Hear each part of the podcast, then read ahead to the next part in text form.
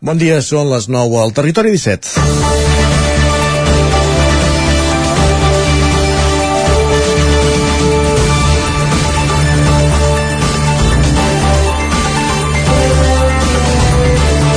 Durant aquestes festes de Nadal gairebé no ha fet fred. Els registres històrics de temperatura indiquen que no és una anècdota, sinó una categoria. La temperatura de 2022 supera entre 2 i 3 graus la mitjana anual a la majoria d'observatoris de la comarca d'Osona. L'últim desembre ha estat especialment calorós. És un problema global, amb implicacions locals. Cal posar-hi remei. A l'hora de repartir responsabilitats polítiques i civils, no es pot posar el llistó al mateix nivell per tothom, però totes les accions compten. Els grans acords dels governs en les cimeres mundials pel clima s'haurien de combinar amb les decisions que es prenen als ajuntaments i les accions que individualment tots podem fer en el nostre dia a dia. L'estalvi energètic, l'aposta per fonts renovables o l'ús renovable raonable, volem dir, de l'aigua, són punts que cada cop seran més rellevants. El pantà de Sau és un termòmetre fiable de la perllongada falta de pluja. A l'estiu, segons dades de l'Agència Catalana de l'Aigua, el cabal del riu havia disminuït un 60% en comparació amb el que tenia un any abans. Mesos després, l'església de Sau completa, completament al descobert testimonia que la situació no ha millorat. Aquest fet, encara que es pugui argumentar que les sequeres són cícliques i pròpies d'un clima mediterrani, esdevé un símptoma d'un problema de més abast. La falta de neu a la muntanya, la manca de pluges, el descens dels cabals dels rius i les onades de calor són diferents variables que es manifesten durant l'any d'una equació, la solució de la qual avui s'intueix llunyana. L'actual hivern calorós, sense neu i amb poca pluja n'és un exemple. Per això la situació exigeix una reflexió de fons. Les accions per pal·liar els efectes immediats són necessaris, però s'ha d'anar a l'arrel del problema. Amb el desproporcionat encariment dels carburants, el govern espanyol va unificar 20 cèntims per litre, una mesura que amb el canvi d'any s'ha deixat d'aplicar. Ha estat una mesura positiva. El que cal, però, és dissenyar polítiques que disminueixin la dependència respecte als combustibles fòssils, fomentin una mobilitat sostenible i activin un desenvolupament econòmic respectuós amb el medi. No hi ha més opció. És dimarts, 10 de gener de 2023, en el moment de començar el Territori 17, a la sintonia de la veu de Sant Joan, Ràdio Cardedeu, Ona Codinenca, al 9 FM, i també ens podeu veure, ja ho sabeu, a través del nou TV, Twitch i YouTube. Territori 17.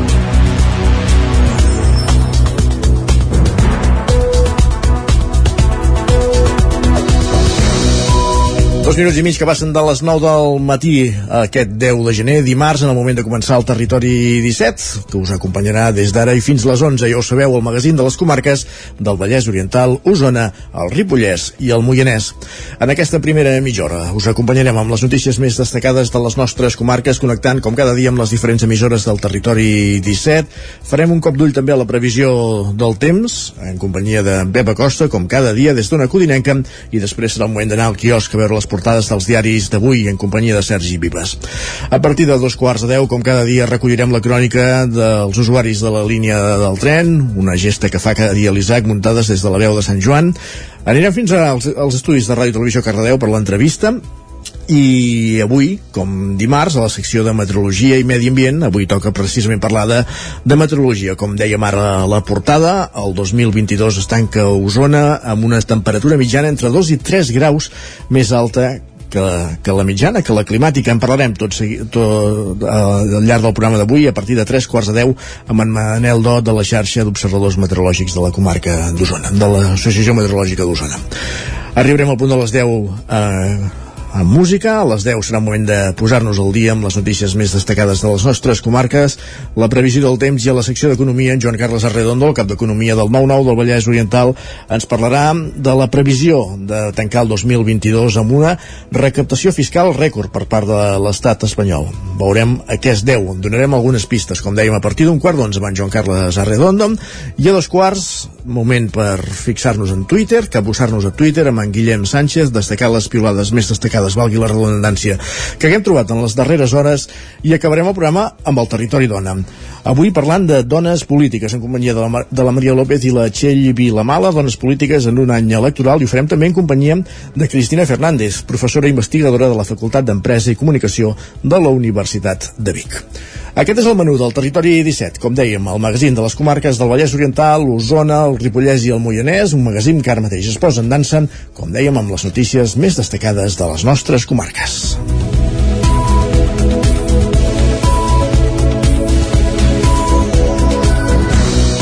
Tret de sortir del tradicional període de rebaixes que s'allargarà fins a finals de març. Tot i això, cada vegada estan més desdibuixades al calendari, ja que amb la liberalització del període de descomptes, les botigues fan ofertes durant tot l'any.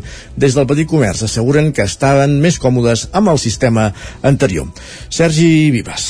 Centenes de persones passejaven dissabte al matí pel centre de Vic coincidint amb el primer dia de les rebaixes d'hivern i també amb, el, amb les meses dibuixades al calendari. Amb la liberalització del període de descomptes l'any 2012 els comerços poden decidir quan i com aplicar els descomptes segons les seves necessitats més enllà de les tradicionals rebaixes d'hivern o d'estiu. Ho explica el president de Vic Comerç, Toni Brax el comerç tradicional, el comerç de proximitat, estaven molt, diguéssim, molt còmodes amb, amb el sistema tradicional. Eh? Que s'hagi desvirtualitzat el concepte, insisteixo, no vol dir de que la gent ja eh, s'està donant compte de que el concepte continua viu, que el concepte és interessant i que podem anar a establiments a aconseguir verdaderes ofertes i aconseguir un material que abans ho haguéssim pagat a 10 i ara ho podem aconseguir a 8, 7 o 6.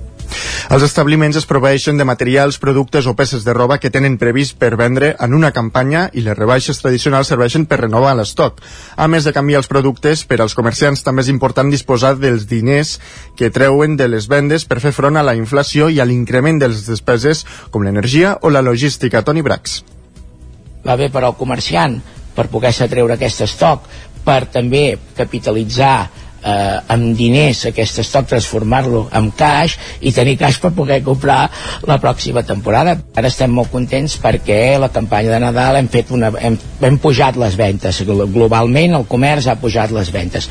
Doncs clar, ha pujat les ventes entre un 2, un 4, els més optimistes un 6, però és que la inflació està al 6,5, per tant, realment, si ho mirem, hem, hem baixat ventes perquè no hem pogut contrarrestar la inflació amb l'increment.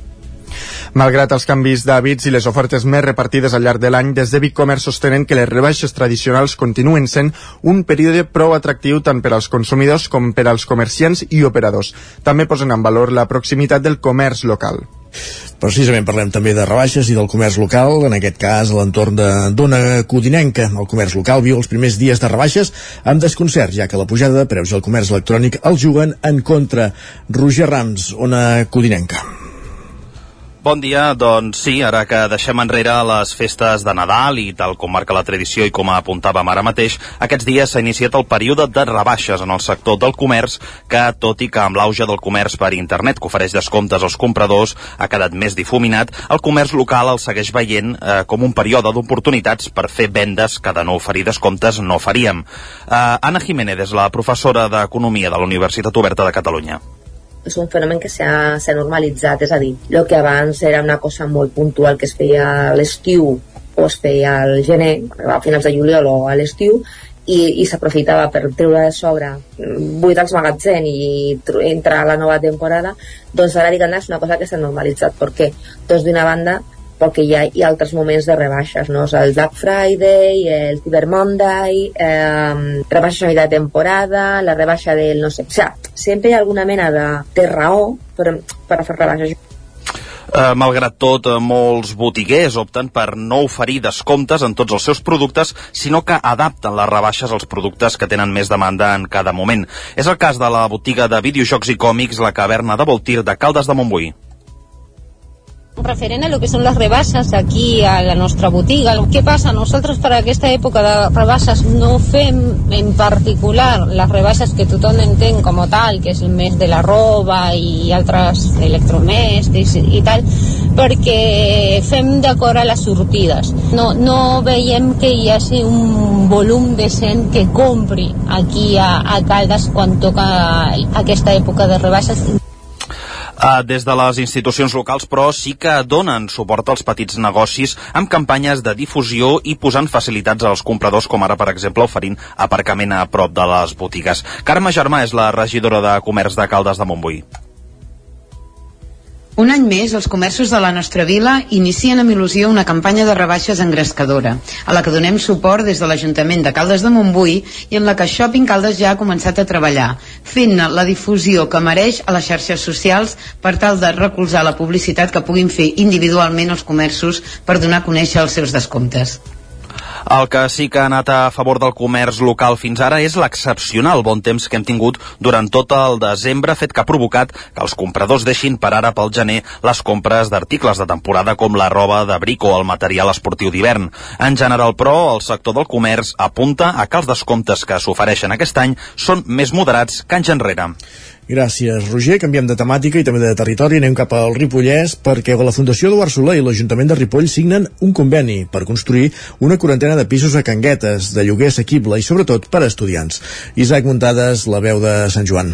L'Ajuntament de Ripoll i la Fundació Eduard Soler Escola del Treball del Ripollès van signar un conveni de col·laboració per tal de crear habitatges de lloguer assequible de protecció pública i per la residència d'estudiants de l'escola o d'altres centres formatius i esportistes del Centre de Tecnificació Esportiva del Ripollès. La Fundació té prevista una inversió de més de 5 milions d'euros per construir aquests edificis en dues parcel·les de la zona de Canguetes. L'alcalde Jordi Monell, que també és patró de la Fundació, va detallar els antecedents d'aquest conveni. El que fem és sumar aquells conveni inicial del 2007, que feia referència a dos terrenys, i el que fem és sumar-lo en un sol conveni, en el qual s'adopta el compromís de la Fundació Eduard Soler d'invertir en la construcció d'un bloc d'habitatges doble, un amb un solar que per tant consolida la propietat de la Fundació Soler i un altre amb un solar municipal en el qual doncs, es, es formalitzarà una adenda en el conveni per al qual al cap d'uns anys aquest edifici, amortitzada la inversió, passarà a ser propietat municipal. Eh, per tant, l'Ajuntament de Ripoll guanyarà cap d'uns anys un solar municipal i guanyarà un habitatge construït. La crisi econòmica i financera mundial va obligar a endarrerir aquest projecte 15 anys. En total, s'està parlant d'una construcció d'entre 36 i 42 habitatges de diferents tipologies, amb una, dues o tres habitacions per estudiants, gent jove, gent gran o pisos tutelats. Aquests habitatges seran sostenibles amb la màxima eficiència energètica i s'espera que puguin ser captadors de la futura xarxa de calor de biomassa del municipi. A més a més, en la seva construcció s'utilitzaran materials que necessitin el mínim manteniment i s'optarà per proveïdors locals. A més, s'inclouran uns horts municipals en un terreny adjacent de 1.150 metres quadrats que podran ser utilitzats pels residents d'aquests edificis. El president de la Fundació Eduard Soler, Jordi Colomer, va veure que l'habitatge era una necessitat on l'ens educatiu de formació professional flaquejava. Teníem una petita llacuna que era la manera de tenir controlats aquests estudiants quan a donar-los un servei d'estada per nocta que esperem que pels pròxims anys, a partir del moment que estigui construïda, albergui estudiants de la Fundació, cosa que fins ara, ja anys enrere, ho hem fet també amb la Villaicària de Sant Joan i amb alguns pisos d'aquí de Ripoll. Pretenem també fer un, un centre universitari, un col·legi major, la Fundació Eduard Soler ofereix una àmplia formació reglada, amb diferents graus superiors, un màster especialitzat en Smart Factory, més de 70 cursos anuals de formació contínua, entre d'altres. Tanmateix, la FES també és un revulsiu per atraure estudiants d'altres comarques. De fet, el 90% dels estudiants actuals provenen de fora del Ripollès, a sent Osona la comarca que més n'aporta amb un 47%. Cal destacar que el 100% dels alumnes s'acaben inserint laboralment. Jutgen per estafa l'exdirector d'una oficina de CaixaBank a Granollers, Pol Grau, Ràdio Televisió, Cardedeu. L'Audiència de Barcelona ha jutjat aquest dilluns un home acusat d'estafar clients a l'oficina de CaixaBank de la plaça Maluquer i Salvador, de la que era director. Segons defensa la Fiscalia, l'acusat va aprofitar la relació de confiança i la credibilitat que li donava el càrrec per fer operacions fraudulentes de quantitats de diners de diferents comptes amb l'ànim d'obtenir un benefici il·lícit sense coneixement ni consentiment dels afectats.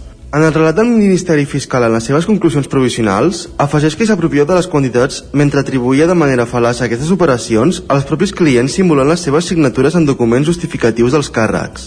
En total, hi ha hagut 5 comptes afectats, per un total de 18.074 euros, que l'entitat va retornar als clients i era reclama de l'acusat. Els fets s'haurien produït entre maig de 2016 i març de 2018.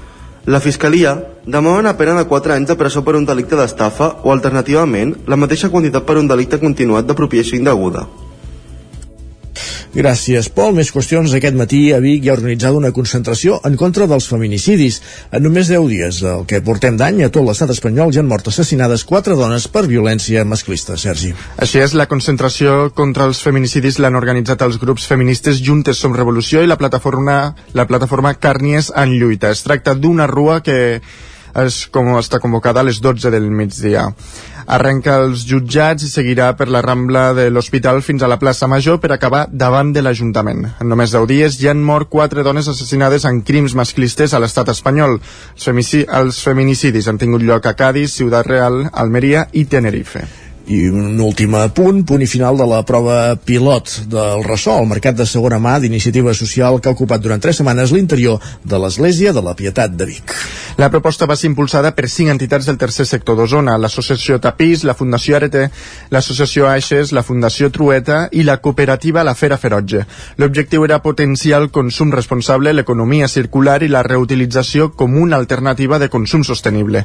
Núria Comarriu, directora de la Fundació Trueta, en fa un balanç positiu. La valoració que fem entre totes les entitats és molt positiva perquè ha entrat moltíssima gent, a més el fet de poder tenir aquest espai al centre de Vic um, ha donat l'oportunitat que molta gent que segurament no, no hagués entrat mai en una botiga de segona mà hagi entrat, si més no per curiositat amb aquest projecte s'ha demostrat que és possible la col·laboració entre entitats i institucions. Les entitats organitzadores asseguren que per aquest espai han passat més d'un miler de persones. Després de l'èxit d'aquesta iniciativa, com a Riu assegura que ara reclamen tenir un espai permanent on poder fer vendes de productes de segona mà. De fet, eh, nosaltres el que voldríem és poder tenir un, un espai permanent on totes les entitats hi poguéssim, hi, posim, hi poguéssim fer les vendes de segona mà. Els impulsors comparteixen la voluntat de treballar per ajudar les persones i ajudar-les en el lloc com aquest mercat pot tenir diferents sentits. Facilitar productes que algunes butxaques no es poden permetre comprar de nou en nou, però també facilitar el canvi de cultura general cap al reciclatge. Joan Redorta és el director de l'associació Aixes. Tot això és un model de vida. Hi ha gent que s'apunta a aquest nou model de vida. Jo diria que això és ser modern.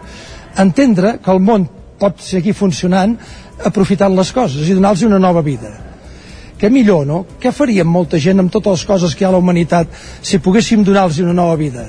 Doncs ara tenim una cosa a la mà, per què no li donem? És il·lusionant, això. Durant aquestes tres setmanes, els productes més venuts al ressò han sigut el parament de la llar, els llibres i la roba de segona mà. Gràcies, Sergi. Acabem aquí aquest repàs informatiu que començàvem al punt de les 9 en companyia de Sergi Vives, Roger Rams, Isaac Muntades i Pol Grau. Un moment al territori 17 de saludar també en Pepa Costa. Tornem a una codinenca.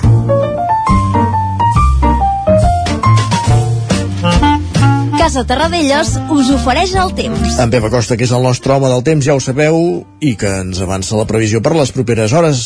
Bon dia, Pep. Hola, molt bon dia. Com estàs? Què tal esteu? Espero que vagi bé uh, la setmana. Avui som dimarts i ja hem tingut més fred, eh? Uh, ha baixat, ha baixat la temperatura mínima. El vent que hi va bufar va ser el més destacable de, del dia sense cap mena de dubtes.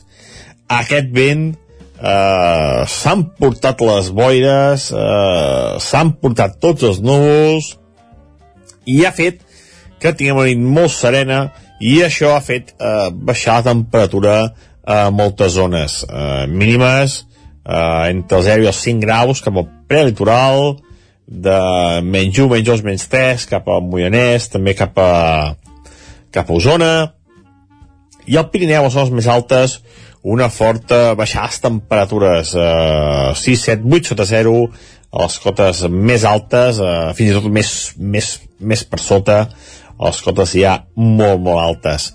Uh, per tant, una, una baixada de temperatures uh, bastant destacable i que per fi, per fi ja una, fa una mica de fred a les nits i glaça una mica en alguna zona que ja, ja tocava uh, com dèiem ahir el més destacable va ser va ser el, el, el vent uh, cops de vent uh, importants a moltes zones també zones poc habituals i sobretot a les muntanyes, alta muntanyes on va bufar més el vent, on es va superar els 100 km per hora en alguna zona eh, puntual del Pirineu i també cap a Puigdesolles, cap a la zona del Montseny. Aquest vent ja s'han calmat, aquesta nit encara fot una mica, però ja s'estan calmant i avui serà un dia molt més tranquil perquè fa el vent. I serà un dia molt assolellat. L'anticicló va guanyar la posició, es va consolidant, i per tant serà un dia molt, molt tranquil. Només alguna, algun núvol despistat molt poca cosa eh, alguna boira ara al matí però també molt ràpid es dissiparà eh, per tant una situació molt, molt, eh, molt tranquil·la. Vents febles, direcció variable i unes temperatures una mica més altes que les d'ahir. Ahir a l'estar una mica més tapat per aquest petit front que ens va passar i el vent, la sensació de fred va ser més acusada. Avui, res d'això. Avui les temperatures màximes pujant 1 o 2 graus, la majoria entre els 12 i els 16, 17 graus. Temperatures molt suaus a migdia, un ambient molt, molt agradable. I això és tot. Aquest temps que continuarà força dies, l'anticicló el tindrem a sobre durant molts i molts dies. Moltes gràcies, adeu. Doncs anirem seguint l'evolució d'aquest anticicló. Per ara no hi ha el moviment que desitjaríem més enllà d'aquesta baixada de les temperatures aquesta matinada matí. Gràcies, Pep. Uh, parlem d'aquí una estona. Més coses al territori 17. Anem cap al quiosc. Casa Tarradellas us ha ofert aquest espai. Territori 17. Envia'ns les teves notes de veu per WhatsApp al 646 079 023. 646 079 023. WhatsApp Territori 17.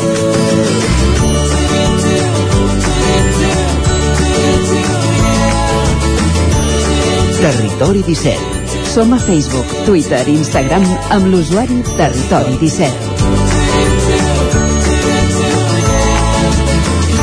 Un quart i mig de 10 del matí. Al territori 17 és moment d'anar al quiosc a veure com són les portades dels diaris del dia, Sergi Vives. Doncs mira, avui comencem pel punt avui, que encapça la portada amb el titular 19 de gener d'unitat. Expliquen que la mobilització independentista agafa cos contra la cimera a Barcelona i afegeixen que Esquerra participarà a la protesta i evitarà la divisió que hi va haver durant la diada. La cimera entre els, els presidents d'Espanya i França. Ah, exactament. Um, també diuen que l'estat brasiler ha lluitat contra l'assalt i també diuen que el govern i el PSC s'enroquen pel pressupost. Expliquen que Esquerra avisa als socialistes que no es tracta d'un tot o res i els d'illa defugen de la pressió. El periòdico diu que Lula corrala els bolsonaristes i recupera el control de Brasil. També expliquen que el govern central incentiva els contractes als més grans de 45 anys. També diuen que el president del Tribunal Constitucional defensa que es posin límits al poder polític i també anuncien que Cirera serà el candidat del PP a les municipals de Barcelona. Daniel Cirera, sí. Sí. I també destaquen que el sistema porta a porta per les escombraries de Sant Andreu doncs continua fallant. La Vanguardia diu que Lula pren les regnes amb el des desallotjament express del campament colpista i també expliquen que la policia tenia fitxat tres dels quatre assassinats eh, de les seves parelles. Ah, bueno, assassins, assassins. Ah, de les seves parelles. També diuen que la mm, política espanyola s'embarca en símils amb l'assalt dels bolsonaristes i també expliquen que Esquerra s'afegeix a Junts en la protesta contra la cimera Espanya-França. Molt bé. Lara diu que Lula crida al Brasil a unir-se per salvar la democràcia i um, avui l'ara avui no, però avui uh, s'ha endinsat uh, dins l'assentament de Moncada i Reixac, denuncien que un any després de la mort d'una parella encara no se n'han fet el cens. També diuen que un centenar d'avis estan sense aigua calenta ni calefacció al cor de Barcelona també expliquen que eh, Espanya pressiona per allargar l'excepció ibèrica per a la llum fins al finals del 2024 i destaquen també que el restaurant Noma, un dels millors del món de la última dècada, tancarà les portes. Doncs vinga, notícies que podem trobar a la portada del diari Ara, les tenim totes les de Catalunya. Sí, doncs anem cap a Madrid. Que... Exacte. El país explica que els poders democràtics del Brasil sufoquen l'assalt colpista que ha acabat amb més de 1.200 detinguts. També expliquen que avui s'aprova un decret que respon a les reivindicacions del sector cultural. Diuen que els artistes tindran dret a una prestació de l'atur. També destaquen que Espanya urgeix a la Unió Europea a acotar la relaxació de les ajudes de l'Estat i també diuen que Trevijano deixa el Constitucional amb una defensa de la intervenció a les Corts. Per altra banda, expliquen que el forense planteja que Grinyan tracti el seu càncer sense anar a la presó. L'ABC diu que experts critiquen que Igualtat va per lliure en la violència de gènere. Expliquen que firmants del pacte d'estat lamenten la descoordinació del Ministeri de Podemos i que només dos de la, de la desena d'anuncis siguin contra el maltracte. Per altra banda, en relació a, a que Trevijano ha deixat el Constitucional, diuen que ningú està per sobre la Constitució ni més, sobiran, ni més sobirania que l'espanyola. El Mundo diu que 4 de cada 10 joves que cauen a l'atur a la Unió Europea són espanyols. Expliquen que a Espanya hi ha 68.000 nous aturats en menys de 20, eh, aturats de menys de 25 anys. També diuen que Lula ha agafat el control de Brasil després de 1.500 detencions. De fet, aquí veiem una fotografia de quan la policia brasilera detenia alguns dels assaltants del Congrés. I també diu... Eh? 1.500 detencions. Sí. També diuen que la docusèrie sobre Pedro Sánchez ja sofreix a cadenes i plataformes Carai, una docusèrie sobre Pedro Sánchez. Sí, per fer campanya, no? Que ah, deu ser això. Molt bé. I per altra banda expliquen que Balaguer rebutja retirar la seva candidatura al Constitucional. La Razón diu que Feijó frena la denúncia a la Unió Europea contra Sánchez. També expliquen que Brasil ha castigat la sala a les institucions i reprena el control. També diuen que el líder del PP recupera a l'exdirigent basc Borja Semper. Uh -huh. També expliquen que en només 24 hores s'han produït 4 assassinats masclistes en dones i per acabar diuen que el 2022 ha sigut l'any amb la llum més cara. Expliquen que hem pagat un 87 més que el 2020 i un 34 més que el 2021. 87 i 34%, entenc, sí. eh? Entesos. Doncs repassades les portades que s'editen tant a Barcelona com a Madrid, moment de fer un cop d'ull als digitals, tenim un minutet per repassar les portades del 99.cat. Doncs a Osona, el Ripollès, podem trobar uh, una notícia uh, so, en què expliquen que impulsen una web amb les dades de més de 1.400 represaliats pel franquisme a Vic. De fet, una notícia que comentarem a l'informatiu de les 10. Correcte i al Vallès Oriental eh, fan un balanç del 2022 dels accidents, diuen que és el pitjor any en víctimes mortals a les carreteres del Vallès Oriental des del 2008. déu nhi doncs des del 2008 que anaven a la baixa eh, les morts, els morts per accidents de trànsit a les carreteres del Vallès Oriental i una tendència doncs, que s'ha frenat aquest 2022, com bé deies llegint aquest titular de la portada ara mateix del digital del 99.cat del Vallès Oriental. Gràcies, Sergi. A tu. Fem una petita pausa, tot seguit, al territori 17, una pausa per la publicitat, però no marxeu gaire lluny, perquè tornem d'aquí 3 minutets amb la Isaac Muntades i la Trenc d'Alba, que ja el tenim a punt. Fins ara mateix. El nou FM, la ràdio de casa, al 92.8. Bon dia, són les 9 al Territori 17. Miquel Parella, Cada matí i durant dues hores t'acompanyem i et posem al dia de l'actualitat de casa nostra. Potenciant així l'autonomia... Per aquest cas me la peça el si no... Cursos per feminitzar el pensament masculí. Territori 17, el magazín matinal d'Osona, el Moianès, el Ripollès i el Vallès Oriental. Que la meva àvia de 93 anys... El 9 FM, el 9 TV, el 99.cat i també els nostres canals de Twitch i, I YouTube. Demà per fer-se un tatuatge. Cada matí, Territori 17. Ole. Has esperat que arribi el fred per comprovar si et funciona bé la caldera? No pateixis, a Casa Jové som especialistes en manteniment, reparació i revisió d'equips d'aigua calenta i calefacció, tant en l'ambient domèstic com industrial. Si tens una avaria, no ho dubtis. Som Casa Jové. Ens trobaràs al carrer Girona, número 9 de Vic, i al telèfon 93 886 1596. Casa Jové, el teu servei tècnic de confiança. No t'ho creuràs. M'ha trucat el servei tècnic oficial de Saunier Duval perquè han detectat a distància que li falta aigua a la caldera. Era a casa i no me n'havia donat. I què has fet? Res, perquè el meu servei de manteniment Mi Saunier Duval Connect m'ha donat una solució en qüestió de minuts. Informeu-vos a connectivitat.saunierduval.es. Saunier Duval, sempre al seu costat. Has esperat que arribi el fred per comprovar si et funciona bé la caldera? No pateixis, a Casa Jové som especialistes en manteniment, reparació i revisió d'equips d'aigua calenta i calefacció, tant en l'ambient domèstic com industrial. Si tens una avaria, no ho dubtis. Som Casa Jové. Ens trobaràs al carrer Girona, número 9 de Vic, i al telèfon 93 886 1596. Casa Jové, el teu servei tècnic de confiança. Anuncia't al 9FM. La màquina de casa. 9 3 8 8 9 4 9 4 9. Publicitat arroba al 9FM.cat. Anuncia't al 9FM. La publicitat més eficaç. Cocodril Club. Si t'agrada la bona música dels anys 60, 70 i 80, escolta el 9 FM als matins de dissabtes i diumenges d'11 a 1. És el temps del Cocodril Club, tot un clàssic de la ràdio, amb les bases del pop-rock, les llegendes, les cançons que s'han convertit en autèntics himnes. Recorda, dissabtes i diumenges al matí, d'11 a 1, al 9 FM 92.8. Cocodril Club, el programa revival de l'Albert Malla. Hasta luego, cocodrilo. Bon dia, són les 9 al Territori 17. La Miquel Parella, Cada matí i durant dues hores t'acompanyem i et posem al dia de l'actualitat de casa nostra. Potenciant així l'autonomia En aquest cas me la peça el taler si no... Cursos per feminitzar el pensament masculí. Territori 17, el magazín matinal d'Osona, el Moianès, el Ripollès i el Vallès Que la Oriental. meva àvia de 93 El nou anys... FM, el nou TV, el 99.cat i també els nostres canals de Twitch i YouTube. demà per fer-se un tatuatge. Cada matí, Territori 17. Ole! El nou FM. Territori 17.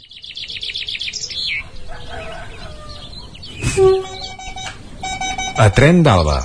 Cada dia els usuaris i usuàries de la línia R3 de Rodalies que veuen sortir el sol des d'un vagó ens expliquen les gràcies i les penes del primer comboi que uneix Ripoll i Barcelona o les feixugues jornades amb el tren després de treballar. Benvinguts a Tren d'Alba. Avui l'usuari de Twitter Drawing Swaski, un nom bastant impronunciable, ha penjat una fotografia d'un patinet elèctric a l'interior d'un tren i es queixava que els patinets estaven prohibits i demanava el tema de les mascaretes també. Titllava d'irresponsables i ineptes a Rodalies. Aquests li contestaven que encara no disposen de la data d'inici de l'aplicació de la norma i quan la tinguin ja ho anunciaran. L'usuari els hi replicava que les notícies ja s'havia dit que es prohibirien els patinets elèctrics a partir de l'1 de gener. Sobre les mascaretes, Rodalies va dir que continuen sent obligatòries a dins del tren i ell els hi deia que per ell sí, però pel 90% de les persones no. Bé, això s'hauria de fer complir per part dels treballadors del tren, però ara per ara, i estiguem més o menys d'acord, s'han de portar. Va, escoltem la crònica d'en Carles Bassaganya d'avui. Bon dia i bona hora. Comencem any, comencem un nou 2023 i també comencem desitjos per uh, aquest, aquest any que hem encetat i que també laboralment, després de les vacances de Nadal, tot va agafant, va agafant ritme, no? Ritme.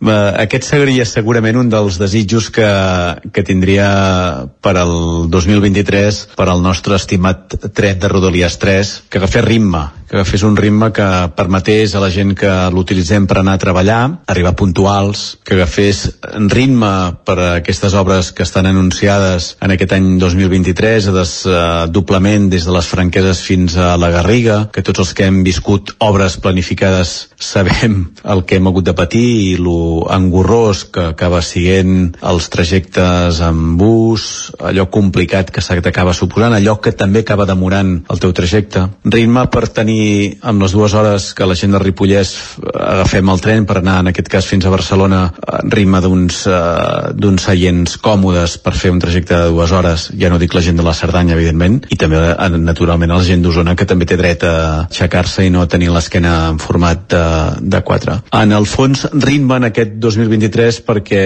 Rodalies faci realment la funció de servei públic, de servei públic tan important de mobilitat, de trajectes interns per naturalment aminorar el transport privat, però també per que tinguem molta més seguretat en els nostres trajectes. Eh, Tot això és el ritme que li desitgem a la bona gent de Renfe com a operador de Rodalies en el nostre cas. Res més, ens tornarem a anar trobant en diferents i següents cròniques. Adéu-siau i bon tren.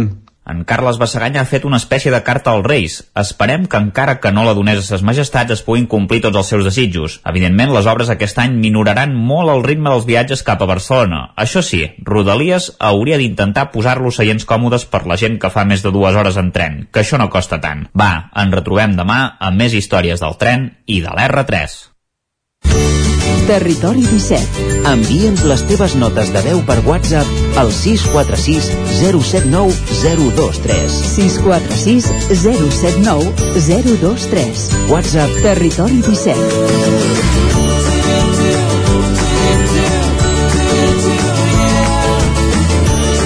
Territori 17. Som a Facebook, Twitter i Instagram amb l'usuari Territori 17.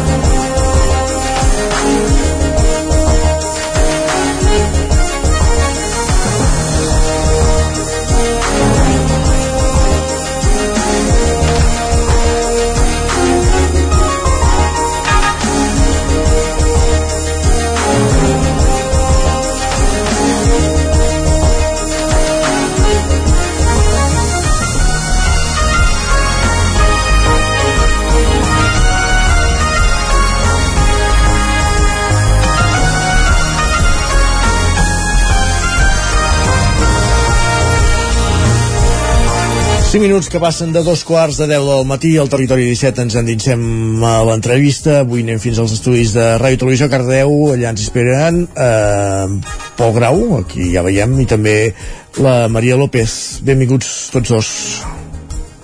Bon dia. Molt bon dia. Per parlar de què, Pol? Avui objectiu pa aquí. I com, com ens movem, com ho, com ho, com ho prepara la Maria. L'objectiu PAC... Com ho preparo? L'objectiu PAC ja el sabeu, aquest eh, talent show impulsat des de Ràdio Televisió Cardedeu per les televisions de la xarxa, que està en plena tercera edició. Per on passem? Doncs, bon dia Isaac, bon dia Maria. bon dia, Pol. Uh, doncs sí, avui estem aquí amb la Maria, directora de Telecardedeu i Objectiu Paqui, i també col·laboradora, col·laboradora d'aquí al Territori 17 amb la plaça i el Territori Dona. Com estàs? Molt bé, és molt curiós això de passar de fer de, de locutora habitual a ser persona entrevistada, eh? No sé molt bé ni, ni, no, ni, ni com seure, mare, em sento com estranya a casa, a casa nostra. és curiós, eh? Eh, per començar, com comença Objectiu Paqui? D'on us surt la idea de fer aquest talent show fa 3 anys? Doncs avui que em toca posar-me el paper de la, la, la disfressa d'entrevistada i, de, i de parlar d'aquest projecte que va una mica a part, eh, doncs això us puc explicar que és un projecte que va néixer de fet hem parlat alguna vegada de Territori 17 eh? és un projecte que va néixer en plena pandèmia amb en aquell moment un, uh, uns objectius i unes intencions molt més modestes que no poc importants que era ajudar sobretot a la gent més jove de, de Cardedeu que estaven totalment confinades, com tots, eh? però una mica resoldre aquella apatia en un moment de la seva vida, que és l'adolescència, on estar totalment tancats i perdre aquell contacte social, eh, aquella interactuació amb companys i companyes, que és tan important quan t'estàs creant, quan t'estàs desenvolupant com a persona, com a persona adulta, estar totalment tancat eh, era, era difícil, no? I era, era un problema gran i d'alguna manera em va trucar en aquell moment en plena pandèmia el, el dinamitzador del casal de joves de la Paqui, la Molero Uh, perquè bàsicament la gent més jove de Cardedeu se centra o al casal de joves de la Paqui o a la tele de Cardedeu com a voluntaris.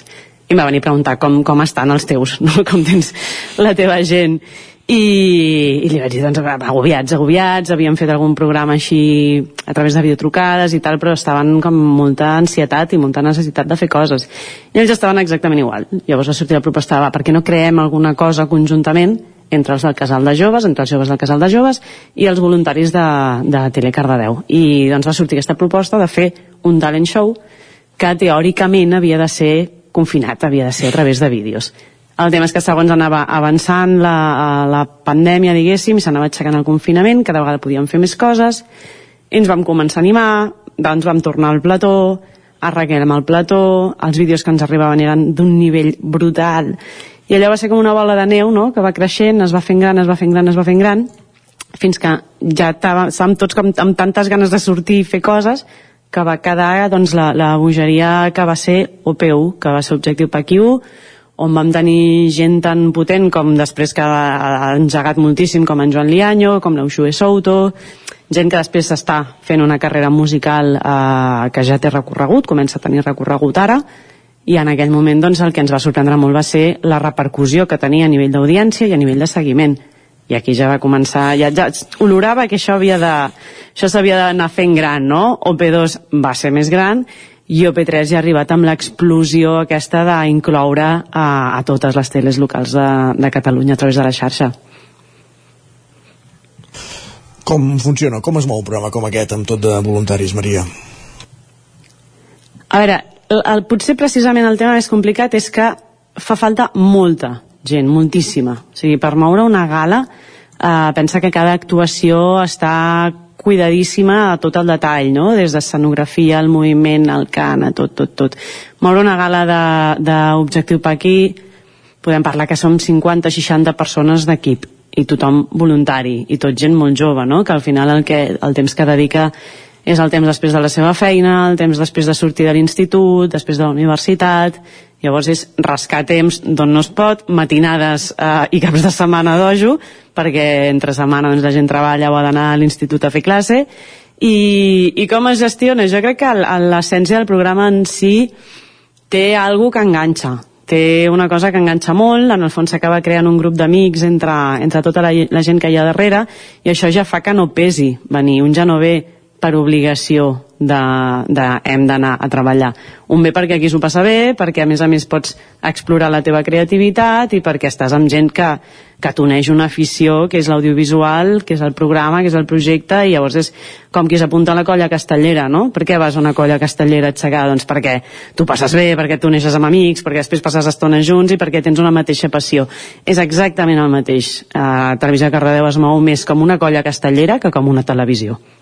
I en aquesta edició UP3, què, què hi ha de nou? Quines novetats porteu? Què fareu de nou? Doncs eh, la, la primera gran novetat ha sigut aquesta implicació a nivell xarxa, no? El fet de, de que cada televisió local de Catalunya hagués d'escollir el seu candidat o candidata a través d'uns càstings en el seu territori ha sigut molt, molt emocionant, no? perquè en el fons és com, com Eurovisió, tu representes el teu territori. De fet, jo vaig estar a la, de fent de jurat als càstings de Vic per seleccionar la, la representant d'Osona i que per ser una nena moníssima la Etna Castanyo, després no, no va passar la següent fase, però, però la veritat és que tenia un potencial molt, molt gran i, i ha sigut doncs aquesta primera fase d'escollir cada zona el seu candidat o candidat ha sigut molt emocionant, no? I després una mica aquesta, aquesta, aquest piquessà una mica, no?, entre, entre territoris que, que també va ser molt divertit, no?, veure amb la fase eurovisiva, quan les teles s'havien de votar entre elles,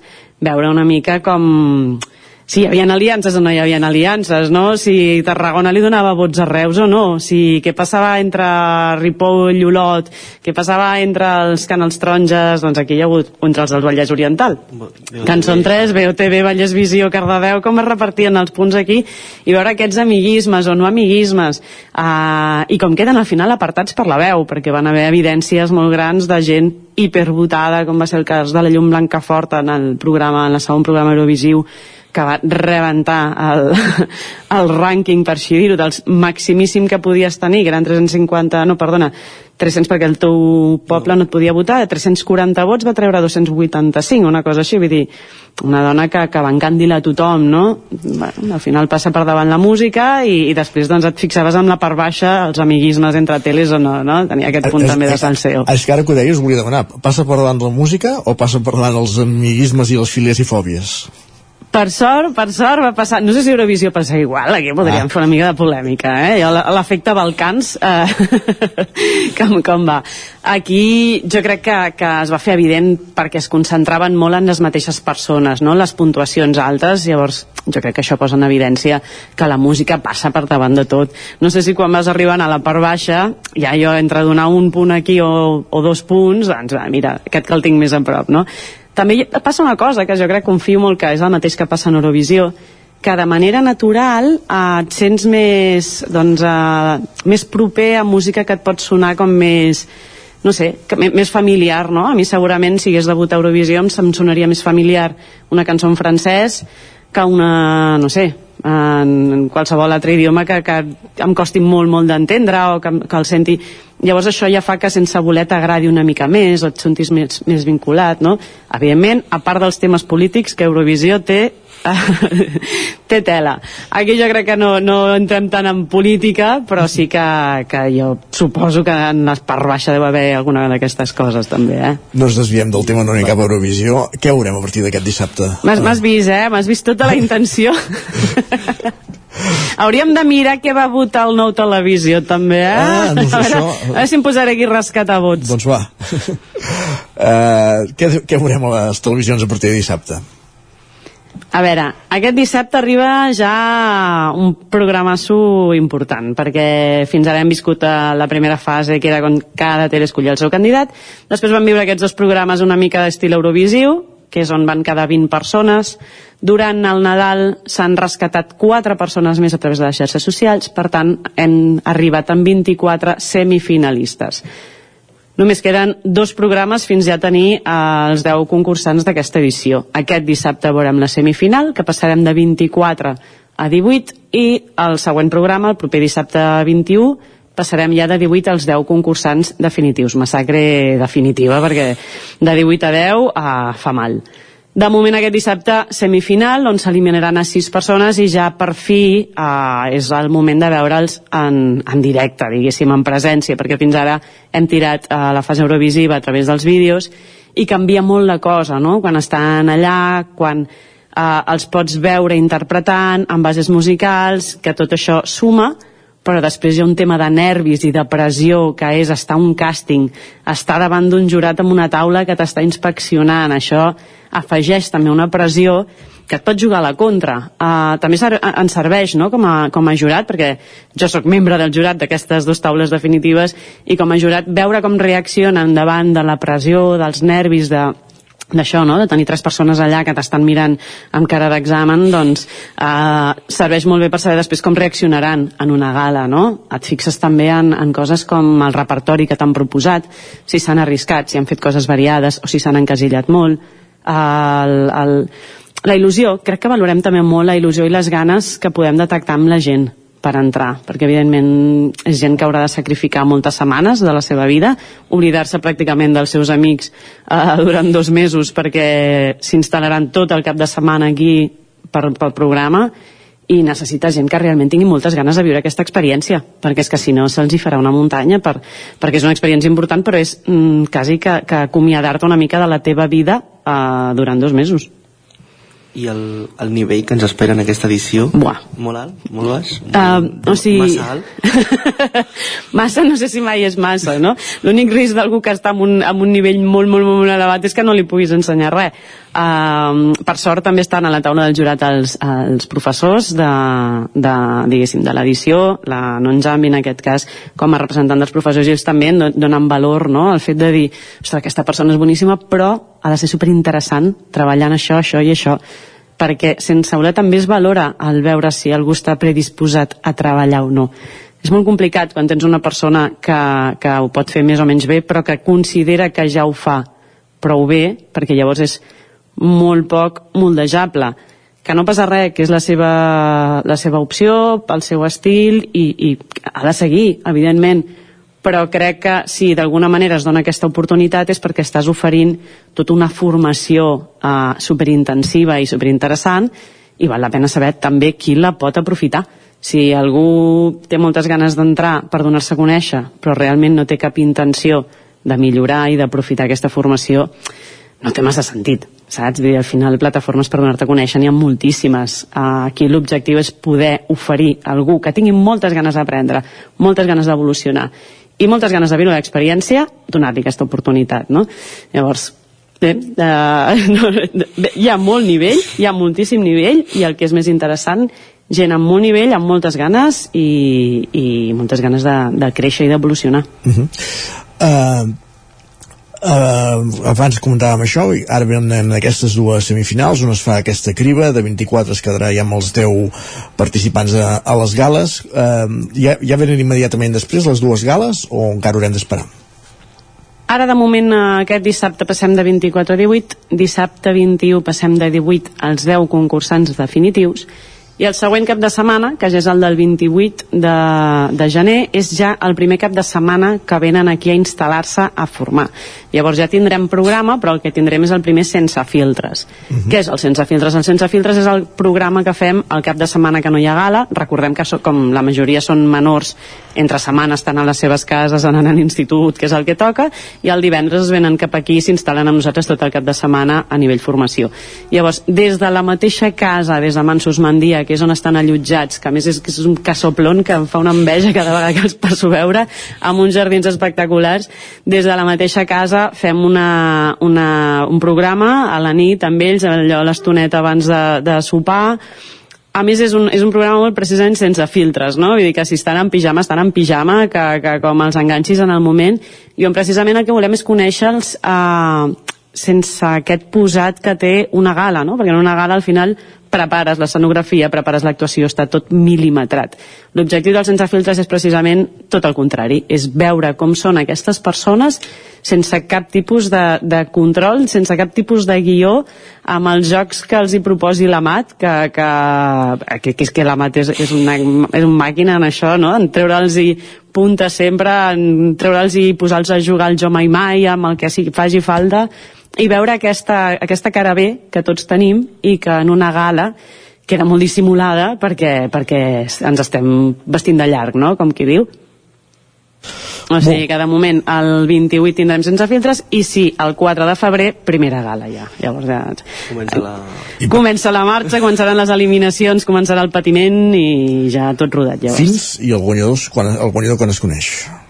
Guanyador, guanyadora el 18 de març serà la gran gala final perquè tenim quatre gales intercalades amb els sense filtres i, i quatre gales a més temàtiques, com sempre. La primera gala d'aquest any és sobre bandes sonores del cinema, uh -huh. així que ens ambientarem tots, tota la gala anirà ambientada els presentadors també, evidentment, com sempre. Ja sabeu que amb les temàtiques ens posem tots tots en matèria. I per tant tot el repertori que ens proposin serà al voltant de bandes sonores del, del cinema a la gala 2 eh, ens anirem a, als anys 90, farem un trasllat, un salt en el temps a, a l'època dels 90 i la gala 3 és el repte. Allà sí que nosaltres els hi direm què han de fer amb tota la intenció de, de treure'ls de les seves caselles i de la seva zona de confort a veure què ens poden oferir. Doncs anirem seguint els, les evolucions de l'objectiu PACI a les televisions de la xarxa. Com dèiem, continuen ja aquest di aquest dissabte amb aquesta primera de les semifinals, amb aquesta primera criba i acaba, continuarà fins al dia 18 de març. N'hem parlat amb la Maria López, director de, de Ràdio Televisió Cardedeu i també directora de, de l'Objectiu Paqui. Gràcies per acompanyar-nos un dia més. Moltes gràcies. De fet, gràcies i fins aquí una estona, que acabarem fins el programa. Fins aquí res, que ens veiem al Territori Dona. Exacte. fins ara mateix. Fins ara. Adéu, Pol, també. Fins ara. I a continuem al Territori 17, parlem del temps. Territori 17, el 9 FM, la veu de Sant Joan, Ona Codinenca, Ràdio Cardedeu, Territori 17. Parlem del temps. Com dèiem, parlem del temps com fem un cop cada mes, de fet sempre a principis de, del mes eh, fem un, un balanç del que ha estat meteorològicament parlant el mes que hem deixat enrere. Ho fem en companyia d'en Manel Dot de la xarxa d'observadors meteorològics de la comarca d'Osona. I avui eh, no només hem acabat el mes sinó que hem acabat l'any, el 2022 i ja ho hem anat repassant mes a mes, cada mes el tancàvem dient ha estat gairebé, gairebé cada mes el tancàvem dient ha estat el més càlid mm, de, de la sèrie i com no pot ser d'altra manera també ha estat un any on la mitjana de les temperatures ha estat força més alta que, que el que tocaria i que els que estem acostumats. Manel Dot, bon dia, benvinguts. Hola, bon dia. Com est bon any. Com estem? Bon any. Com estem? Bé, anar fent eh, avorrits. Avorrits. Avorrits meteorològicament parlant. Sí, perquè ara diu que ja s'acosta un altre anticicló les temperatures costa que baixin i, i anem fent. No Sí. plou i, i temperatures ja, altes eh? ja, ja el tenim a sobre l'anticicló. I que avui ja ha començat. Ahir una mica de vent, eh, temperatures avui ja més baixes que és el que toca i avui tocaria més i almenys amb domini del sol que a les hores centrals de, del dia doncs almenys el sol lluirà no? i escalfarà una mica Com dèiem, el mes de desembre, primer fem Mhm. un bala- una mica de balanç del que ha estat el mes de desembre, ha acabat amb una mitjana de entre 2 i 3 graus més alta que la climàtica. Doncs eh, quasi bé 4. Gairebé 4. De totes maneres, eh, si ha estat un desembre càlid, com tots els mesos, ara farem la repassada anual, eh, però el desembre, per exemple, la mitjana eh, va ser de, de 7,8, N'hi ha una que ho guanya per això, eh? no, no, no ens en recordem, però el 1989 va ser també un mes molt càlid i, i la mitjana, per exemple, va ser superior a aquesta, amb 8,2 eh, recordem el, cli- el climàtic és de 4,4 eh, el que és aquí a Vic vull dir que sigut pràcticament 4 graus quasi de, de diferència. Eh, el, El, que el, fa el problema d'aquest any és que ja anem acumulant tants, tants mesos amb temperatures altes que... Sí, sí, sí. Pràctic, pràcticament cada mes. Cada mes menys dos exacte. cada mes Uh, el que fa a les màximes doncs uh, el 2022 bueno, el mes de, de, el que és el mes de desembre, parlem del desembre uh, vam tenir dos màximes uh, superiors, bueno, excepte el 89 que te repeteixo va ser uh, també molt alta. Doncs la màxima del mes de desembre del 89 va ser de 20 graus, uh, aquest mes aquest any vull dir, uh, el 1920, 1920 el 2022, perdó eh, va ser de 19,7 eh, bueno, van ser els dos anys més càlids que hem tingut des dels últims 73 anys eh, però de totes maneres ja et dic que el 89 va ser eh, com aquest o, o més o menys eh, destacar doncs, les temperatures aquestes màximes eh, que, que vam tenir el mes de desembre i, i pràcticament tot l'any, però el desembre sobretot eh, temperatures de 19-20 graus doncs, eh, excepte el 89 no havíem tingut mai cap déu nhi eh? Uh -huh. Fa replantejar moltes coses o fa pensar molt, si més no. Uh, això són temperatures màximes. Les mínimes també han de ser més altes en consonància perquè si la mitjana és més alta la mínima també ha hagut de ser més alta no? Uh, sí, uh, si parlem de, bueno, del que és el desembre, les mínimes al desembre doncs no el tinc aquí apuntat però sí que, que van ser altes superiors sobretot, bueno, màximes i mínimes o totes en general van ser superiors al que tocaria. Molt uh, i de pluja n'hi ha hagut poc, eh? Pluja poca, però bé, la pluja eh, hem tingut altres anys que n'hem tingut menys, per exemple el 2021, no fa pas gaire eh, el desembre em, em va caure sí, per això ho dic el desembre em va caure 0,4 eh, aquest any ens han caigut per exemple el que és a Vic 31,6 eh, o sigui en fi, eh, el que és precipitacions doncs és molt variable eh, però de totes maneres ara quan fem el repàs de l'any eh, veurem doncs que, que hi, ha, hi ha bastants rècords eh, tant en pluja com en temperatures. Uh -huh. Clar, deies això que el desembre de, de l'any anterior va ploure encara menys perquè ara parlem de l'any però és que ja uh -huh. arrosseguem uns quants mesos més de, de falta de pluja i de temperatures altes. Vull dir que no és exclusiu del 2022 No, no, el 21 també va ser-ho. Va ser molt sec, vull dir que ja fa dies que, que arrosseguem eh, aquestes precipitacions, amb poques precipitacions que és aquí a la comarca. Eh, el problema, bueno, i fem una repassada que és el, el 2022, en general, això ho sap tothom, ha estat un any sec i molt càlid, eh, ha dominat sobretot eh, les entrades d'aire càlid del sud. Eh, sobretot també moltes, moltes eh, les pluges que, que venien o les poques pluges que ens venien eh, acompanyades de fang. Sí. i el, el dominar o sigui el, pràcticament venir tot del sud doncs això ha fet doncs, que es pugessin tant les temperatures. Uh, i precipitacions doncs uh, pràcticament tot ha vingut de l'Atlàntic. Uh, ja ens fiquem ja en el, en el cas del 22 uh, el resum de l'any. eh, precipitacions, per exemple, excepte les de, les de l'estiu. Eh, o sigui, el cas de precipitacions hauríem de, de, de destacar eh, que, que era el mes de, el mes de, de març, el sí. mes de març i el mes de maig, que, que eren, eh, no tinc aquí apuntat, eh, que van ser els, els dos únics mesos que van superar, per, van passar per sobre del, del que és el, la climàtica.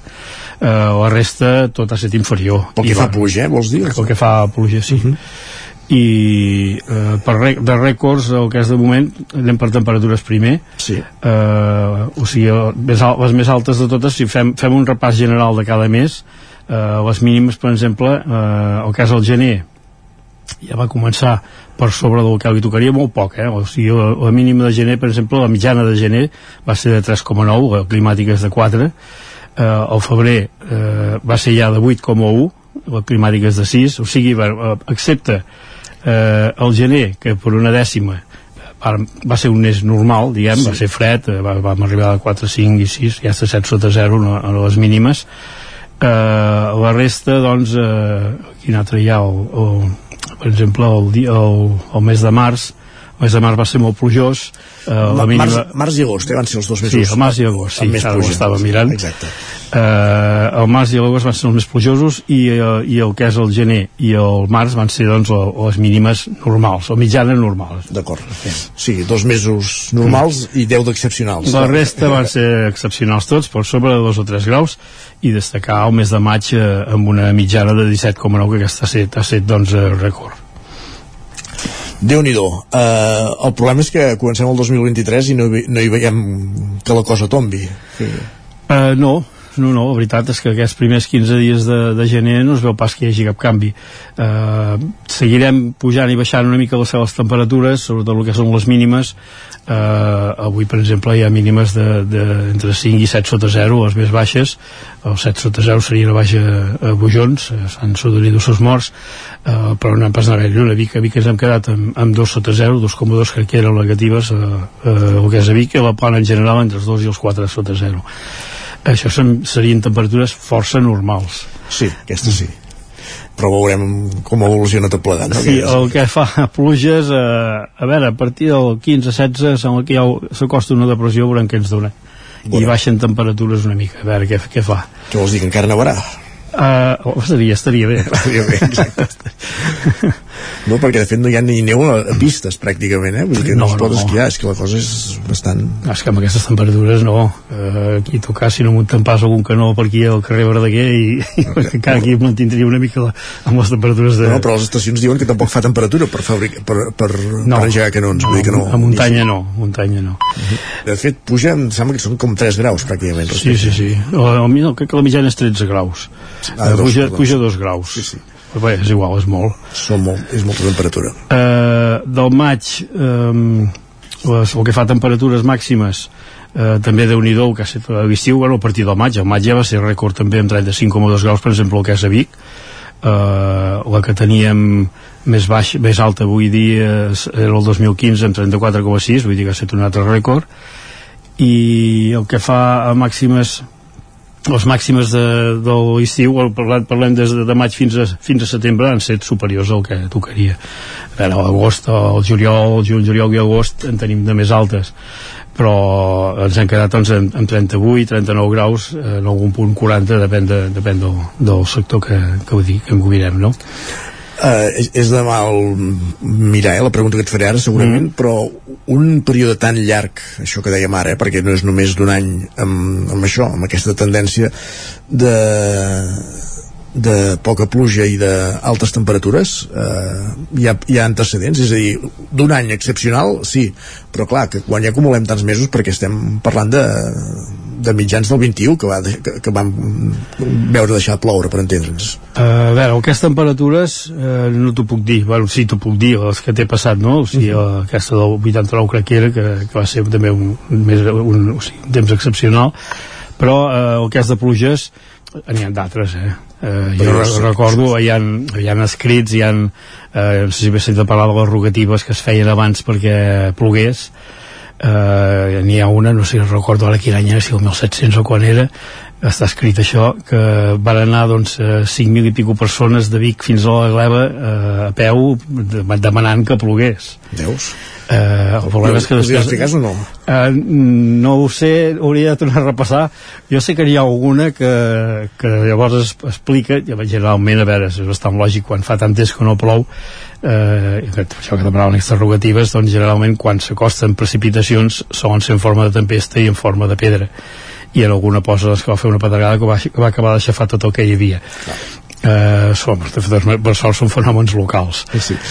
també és veritat que hi ha un altre baròmetre que és la, el pantà de Sau i l'església l'hem vist descoberta en més d'una ocasió en les darreres dècades per entendre'ns per tant, i tant, i tant. tal com està ara li, li hem vist com a mínim que jo recordi dues vegades i tu que tens més anys, alguna més segurament Sí, bastantes més.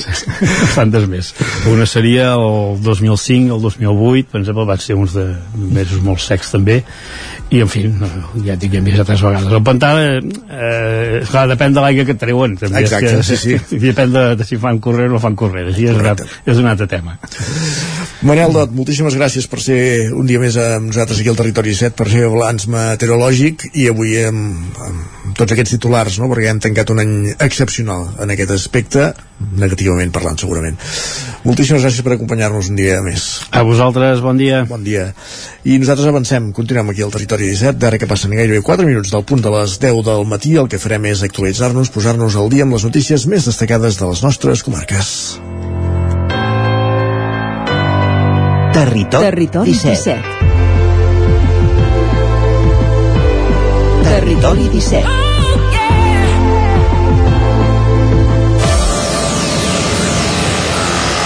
Passen 4 minuts de les 10 del matí. Territori 17.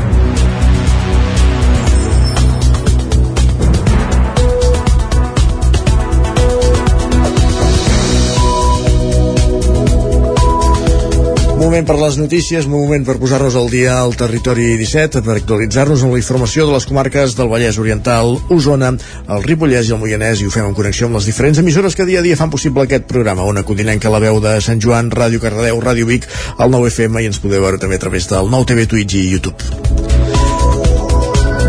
Us expliquem aquesta hora que l'exregidor biguetà Joan Lagunes ha impulsat un web amb dades de les mils de 1.443 persones de Vic perseguides durant el franquisme.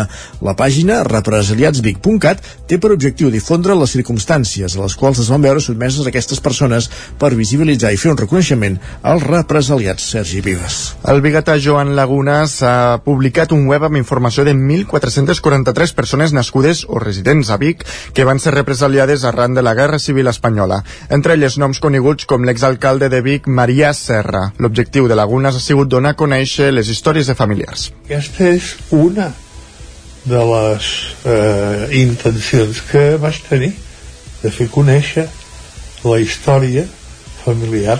De fet, durant el temps que he fet la recerca, eh, ja hi han hagut persones de Vic que m'han demanat hòstia, Joan, mentre que fas això, no em podries pas portar el sumari del meu avi, del meu tiet, etc.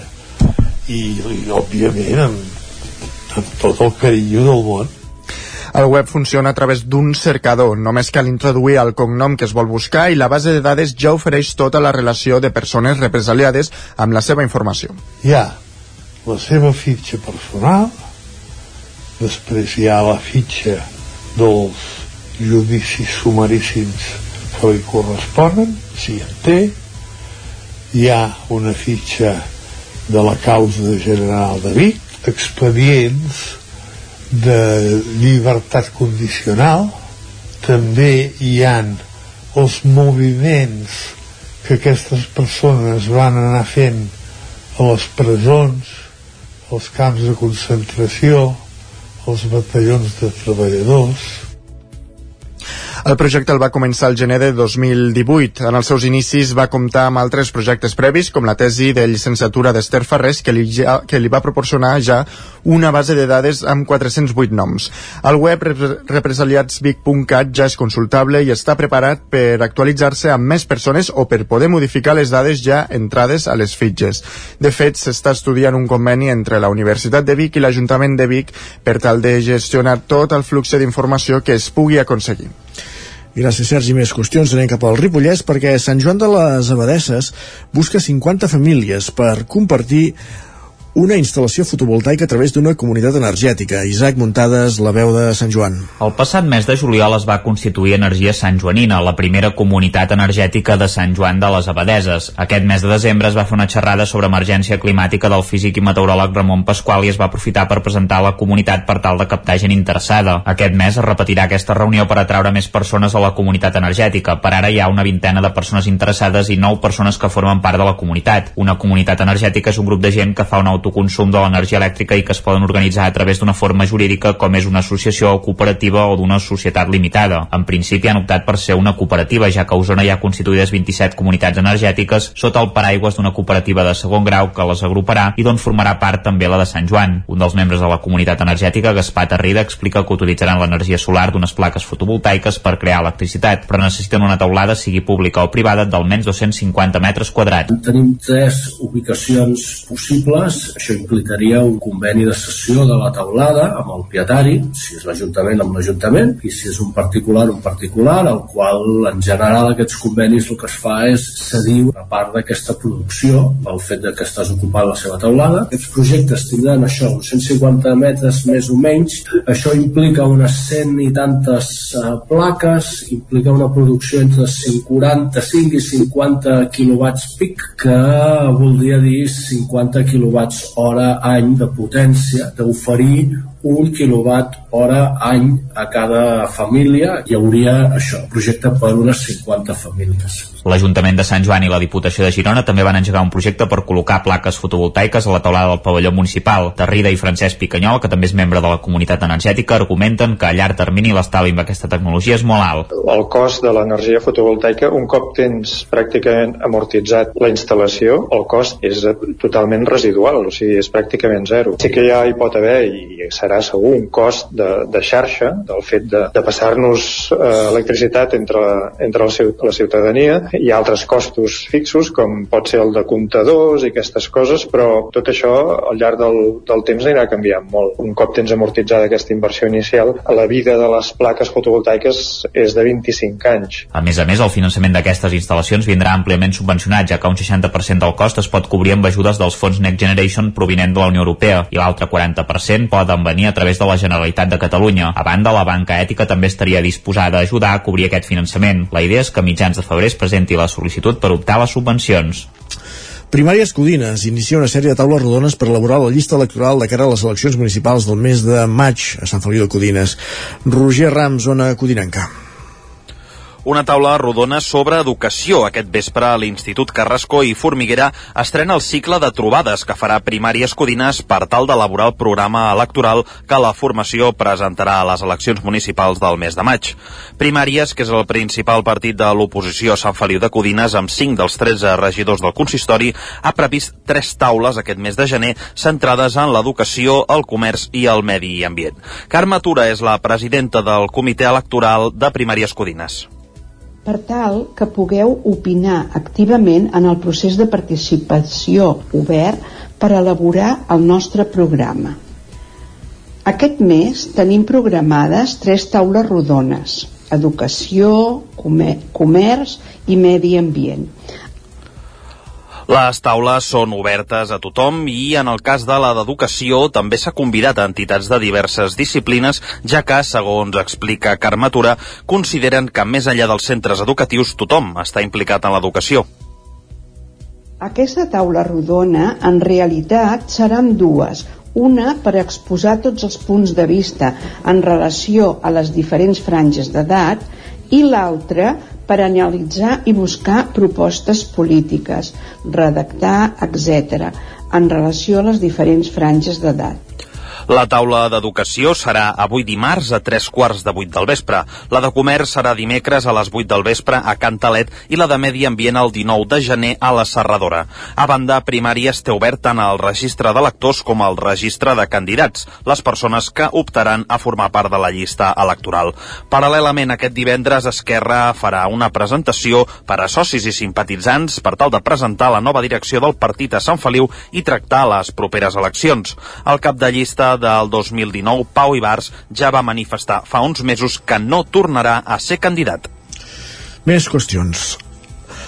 El jutge decreta presó provisional per al presumpte lladre acusat de quatre robatoris al Vallès Oriental al passat estiu. Pol Grau, Ràdio Televisió, Cardedeu. Un jutjat ha enviat a presó un lladre de 28 anys a qui els Mossos d'Esquadra relacionen amb quatre robatoris a cases perpetrats al barri Palau de Girona, a la Roca del Vallès i Sant Fos de Capcentelles, entre juliol i desembre de l'any passat. Arran dels assalts, els Mossos van obrir una investigació per identificar el sospitós i aquest dimarts han desplegat un operatiu per detenir-lo al seu domicili de Barcelona. Durant l'escorcoll, han localitzat 4.650 euros en efectiu, 200 euros en divises de 13 països, rellotges i joies. De fet, els rellotges i joies eren el botic el lladre s'enduia de les llars on entrava a robar. També li han intervingut eines que sospiten que podrien utilitzar per cometre els robatoris. El primer fet que la investigació relaciona amb el sospitós va tenir lloc el 18 de juliol, quan hauria entrat a robar un ja habitatge de Sant Fos de Capcentelles. D'aquí s'haurien dut joies, rellotges i uns 7.000 euros en efectiu. El segon robatori en una casa va tenir lloc l'11 de desembre a la Roca del Vallès. En els altres dos assalts va tenir lloc al barri de Palau de Girona el 16 de desembre. El lladre va entrar a dos habitatges i es van dur joies, rellotges, diners i en efectiu. Després de passar a disposició judicial, el jutjat ha acordat presó provisional. Gràcies, Pol. Acabem aquí aquest repàs informatiu que començava amb el punt de les 10 i 4 minuts en companyia de Pol Grau, Sergi Vives, Roger Rams i Isaac Muntades. Moment al territori 17 de saludar en Pepa Costa.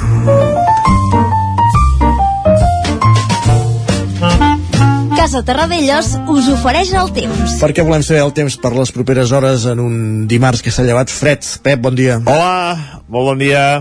Per fi, per fi, ja una, fa una mica de fred a les nits i glaça una mica en alguna zona, que ja, ja tocava. Uh, com dèiem, ahir el més destacable va ser va ser el, el, el vent, uh, cops de vent uh, importants a moltes zones, també zones poc habituals, i sobretot a les muntanyes, alta muntanyes on va bufar més el vent, on es va superar els 100 km per hora en alguna zona eh, puntual del Pirineu i també cap a Puigdesolles, cap a la zona del Montseny. Aquest vent ja s'han calmat, aquesta nit encara fot una mica, però ja s'estan calmant i avui serà un dia molt més tranquil perquè fa el vent. I serà un dia molt assolellat. L'anticicló va guanyar la posició, es va consolidant, i per tant serà un dia molt, molt tranquil. Només alguna, algun núvol despistat, molt poca cosa, eh, alguna boira al matí, però també molt ràpid es dissiparà, eh, per tant una situació molt, molt, eh, molt tranquil·la. Vents febles, direcció variable, i unes temperatures una mica més altes que les d'ahir. Ahir l'estar una mica més tapat per aquest petit front que es va passar i el vent, la sensació de fred va ser més acusada. Avui res d'això. Avui les temperatures màximes pujant 1 o 2 graus, la majoria entre els 12 i els 16, 17 graus. Temperatures molt suaus a migdia, un ambient molt, molt agradable. I això és tot. Aquest temps que continuarà força dies, l'anticicló el tindrem a sobre durant molts i molts dies. Moltes gràcies, adeu. Casa Tarradellas us ha ofert aquest espai. I ara mateix, quan passen menys minuts d'un quart d'onze del matí, és moment de parlar d'economia al territori 17.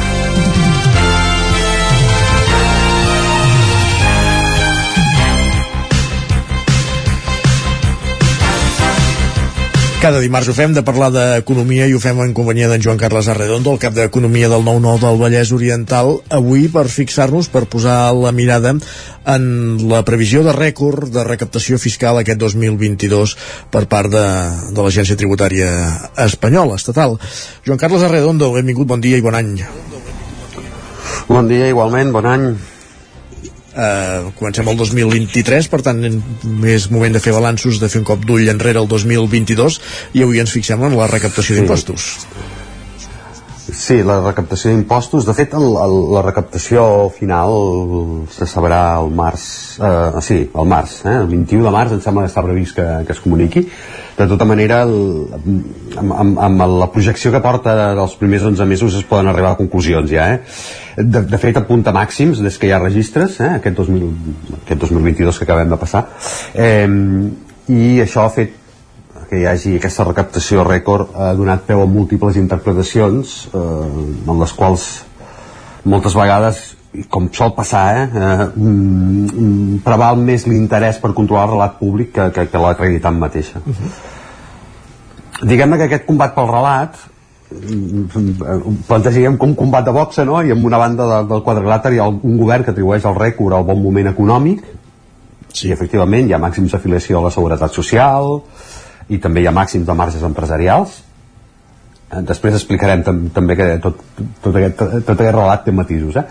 Mm, eh, però, però mm, plantegem també el que hi ha a l'altra banda del quadrilàter una oposició que apunta que l'únic motiu que, que ha portat aquest rècord de recaptació és que la inflació està desbocada i per tant com que es paguen més pels productes vol dir que els percentatges d'IVA és a dir, el que es cobra per IVA eh, també creix, etc. Eh? Um, i en, en aquest combat a, a més d'aquests dos contendents hi ha un exèrcit de curistes que propaguen les el que en, en realitat són mitges veritats que, que contenen les dues valoracions. Mm, clar, si, si, tu no, si, si exclous de, de l'anàlisi que hi ha hagut molts més ingressos perquè hi ha hagut un gran creixement de preus i això ha motivat que, que es pagui més impostos per, per als productes que es compren mm, doncs eh, no, no estàs dient tota la veritat i si també amagues que mm, hi ha més gent treballant i per tant més ingressos per IRPF doncs també estàs dient una, una, una mitja veritat o gairebé una mitja mentida no? Mm, per tant el, el, el que en realitat passa és més aviat una suma d'aquests dos factors eh? l'economia ha avançat i la inflació ha crescut o ha ha crescut com no ho havia fet en 40 anys eh? I tot sumat pluga, eh, suma en el còmput de la recaptació. Aquest mes de novembre s'havia superat ja el rècord eh? el 2021 ja, havia hagut, ja hi havia hagut ingressos rècord i en total en, en els 11 primers mesos de l'any eh, s'havien recaptat 239.789 milions d'euros eh, perdó, eh, 239.789 milions d'euros sí, ho estava dient bé. Eh, amb un creixement proper al 16% eh, poca broma, eh? són 33.000 milions d'euros més eh, que, que, Són que fa un any. Eh, o sigui, a les mateixes alçades de l'any. Eh? És, és un creixement bastant notable. A Catalunya el creixement també és de doble dígit, però lleugerament més moderat, és un 13%, eh, i eh, arribaríem a uns 47.000 milions recaptats, ho dic per, perquè 47.000 milions, sí. Uh, perquè les dades a vegades també va bé que, que hi hagi una mica de perspectiva catalana. Eh? Uh, les dades de, tancament de l'any, com es dèiem, es coneixerem al març, però tot apunta que s'acabaran superant la, fins i tot les previsions que el govern va revisar fa uns mesos, eh, que apuntaven uns ingressos de 200 200 244.000 milions d'euros, estaven prop de 240.000, és bastant fàcil que, que aquesta previsió se superi.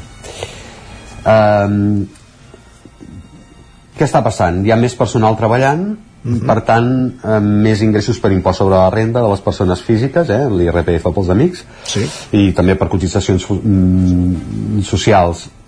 Així ha estat perquè la recaptació per IRPF ha crescut un 16%, eh, i si les, també passa que les empreses tenen més marge, i per tant també pagaran més impost de, de, de societats. De fet, el creixement en aquest concepte ha estat de gairebé el, 20, de, de gairebé el 27% eh, en aquests eh, 11, 11 mesos de, fins al novembre. Sí. Més ingressos per IRPF i per impost de societats vindrien a donar la raó al govern. Eh? La recaptació creix perquè el cicle econòmic és, malgrat tot, favorable. Quan diem malgrat tot, volem dir que també les xifres de desocupats en, en, encara estan molt per sobre la mitjana europea i que, ten, i que per eh, fer anar la maquinària de l'Estat eh, eh, els nivells d'endeutament està també molt, molt més elevat que, que la mitjana. Per tant, mm, sí, el cicle econòmic és favorable també a costa de determinats, de, de determinats eh, efectivament però eh, excloure del, de l'equació l'espectacular increment de preus que s'ha produït eh, durant aquest 2022 eh, em- recordem, eh, en, en aquest temps en, en, en què no hi ha hagut espai han sortit, per exemple, dades de l'IPC avançat, eh, que apuntaven un creixement del 5,8%. És veritat que s'ha moderat respecte als dobles dígits que hi havia a l'estiu, no? Però un 5,8% és un creixement mm, molt intens. Eh? Aix- Això és l'IPC avançat, la dada es coneixerà també a meitat de mes, la dada definitiva. Però mm, dic que excloure l'equació i només parlar de, de les bondats eh, del moment econòmic és un intent de fingir que el creixement de la recaptació és mèrit del govern. L'IVA testimonia que en bona part l'augment dels ingressos fiscals també prové del, de l'augment de preus. Es recapta per IVA un 16,2% més que fa un any, eh? per tant estem aquí eh? en els mateixos creixements mitjans eh, que s'estan produint. I això, malgrat que algunes mesures que ha impulsat el govern per moderar el cost de la cistella de la compra tenen a veure amb reduccions en aquest impost, particularment en les despeses domèstiques. Ara entrarà en vigor, diguem-ne, tot, tot, tot, el tema de la rebaixa de l'IVA de productes alimentaris essencials, això no entra en el còmput de l'any passat, però sí que entra en el còmput de l'any passat que es va rebaixar, per exemple, l'IVA de, de les factures energètiques, de manera que, si no, el creixement encara hauria sigut més gran. Eh? Uh, L'oposició qualifica l'increment de preus i la seva repercussió sobre la recaptació com uns beneficis caiguts al cel o encara alguna afirmació més ridícula com la que va fer Alberto Núñez Feijóo de, de, dient que Sánchez està pagant d'un pastón eh? de, els beneficis caiguts al cel són els que tenen les companyies energètiques i barrejar-hi altres conceptes només fa que suavitzar-ne, eh? blanquejar, diguem-ne, eh? el, el, el concepte de, de beneficis guarda, mm, caiguts de, del cel i que Sánchez guanya diners, bueno, en fi no, un pastón diguem-ne que no mereixeria cap eh, I Feijó? no, no, no mereixeria que ni, ni que em fes més esment eh?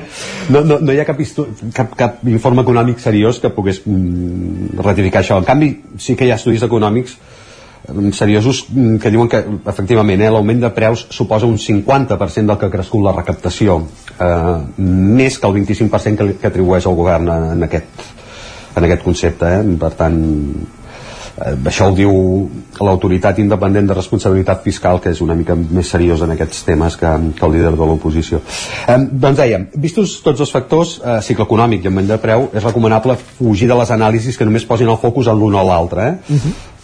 Com, com dèiem al principi, és la suma de tots els aspectes el que porta un increment de la recaptació molt sòlid, però també s'ha de dir que encara insuficient per situar els ingressos de l'Estat al mateix nivell que els, els socis europeus. Eh? Eh, segons dades eh, del Centre d'Estadística Europeu, l'Eurostat, uh -huh. el diferencial de la pressió fiscal s'ha anat reduint a Espanya i ara recaptaria l'equivalent al 39% del PIB mentre la mitjana europea fe, frega el 42%.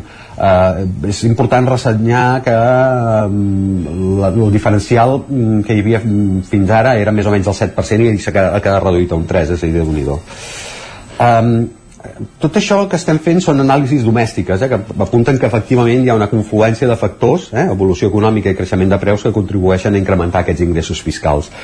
Però encara hi hauria altres factors. De fet, si se suma que el PIB creixerà segons les previsions cap un 5%, una mica menys, 4,7 sembla, sembla ser que serà, i que els preus hagin crescut un 5,8%, no arriba ni a explicar del tot que la recaptació hagi crescut un 16%. Eh?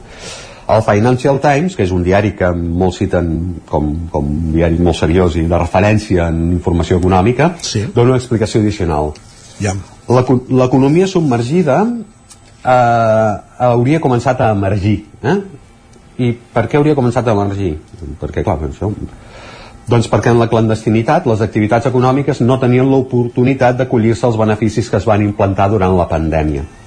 No podien acollir-se als ERTOs eh? i per tant tenien moltes dificultats per retenir treballadors no podien acollir-se als crèdits ICO i per tant els crèdits de l'Institut de Crèdit Oficial i per tant no tenien accés a liquiditat ni ara podrien accedir als fons del, del programa Next Generation per tant, segons les dades, hauria emergit mm, una part del 17% d'activitat econòmica submergida que un informe del Fons Monetari Internacional estimava que hi havia a l'Estat. Això són dades de 2018. Si efectivament s'ha aconseguit que part de l'activitat que s'escapava al radar públic hagi regularitzat la situació, s'estaria en el camí que el creixement d'ingressos que esmentàvem abans no sigui tan temporal i lligat a l'evolució general de l'economia o dels preus, sinó que hagués, mm, hi hagués hagut una certa consolidació és a dir, seria positiu en termes d'aconseguir una confluència amb els ingressos fiscals europeus i disposar de recursos l'important de, dels impostos és és eh, que permet als estats disposar de recursos per reduir l'endeutament i sobretot millorar uns serveis més propers als estàndards que es pot considerar un estat del benestar. Per tant, tenim, si, si el que diu el Financial Times és cert, aquí hi hauria una bona notícia, és a dir, no seria només per qüestions conjunturals, sinó que serien qüestions estructurals que farien que aquests ingressos es consolidessin. És important. Oh, tant, com sigui, és important. Eh, com deies, les dades definitives es coneixeran al març, però ja tenim dades suficients com per fer l'anàlisi que hem fet avui sobre eh, l'índex de recaptació d'impostos l'any de recaptació fiscal l'any 22 a l'estat espanyol. Joan Carles Arredondo, moltes gràcies una setmana més per ser nosaltres. Gràcies a vosaltres. Bon dia. Que vagi molt bé. I acabem aquí la secció d'Economia, fem una petita pausa i ens esperen Guillem Sánchez amb els tuits. El nou FM, la ràdio de casa, al 92.8. Bon dia. Us truco del servei tècnic oficial de Bailand. Hem detectat que la pressió de la seva caldera està baixant. No me n'havia adonat. Com es pot solucionar? Ho resoldrem en uns minuts. No espereu més. Amb el servei de manteniment ServiPlus Connect de Bailand, preocupeu-vos del que realment importa. Nosaltres ens encarreguem de la vostra caldera. Informeu-vos a connectivitat.bailand.es. Has esperat que arribi el fred per comprovar si et funciona bé la caldera? No pateixis, a Casa Jové som especialistes en manteniment, reparació i revisió d'equips d'aigua calenta i calefacció, tant en l'ambient domèstic com industrial. Si tens una avaria, no ho dubtis. Som Casa Jové. Ens trobaràs al carrer Girona, número 9 de Vic, i al telèfon 93 886 1596. Casa Jové, el teu servei tècnic de confiança. No t'ho creuràs. M'ha trucat el servei tècnic oficial de Saunier Duval perquè han detectat a distància que li falta aigua a la caldera. Era a casa i no me n'havia adonat. I què has fet? Res, perquè el meu servei de manteniment Mi Saunier Duval Connect m'ha donat una solució en qüestió de minuts. Informeu-vos a connectivitat.saunierduval.es. Saunier Duval, sempre al seu costat.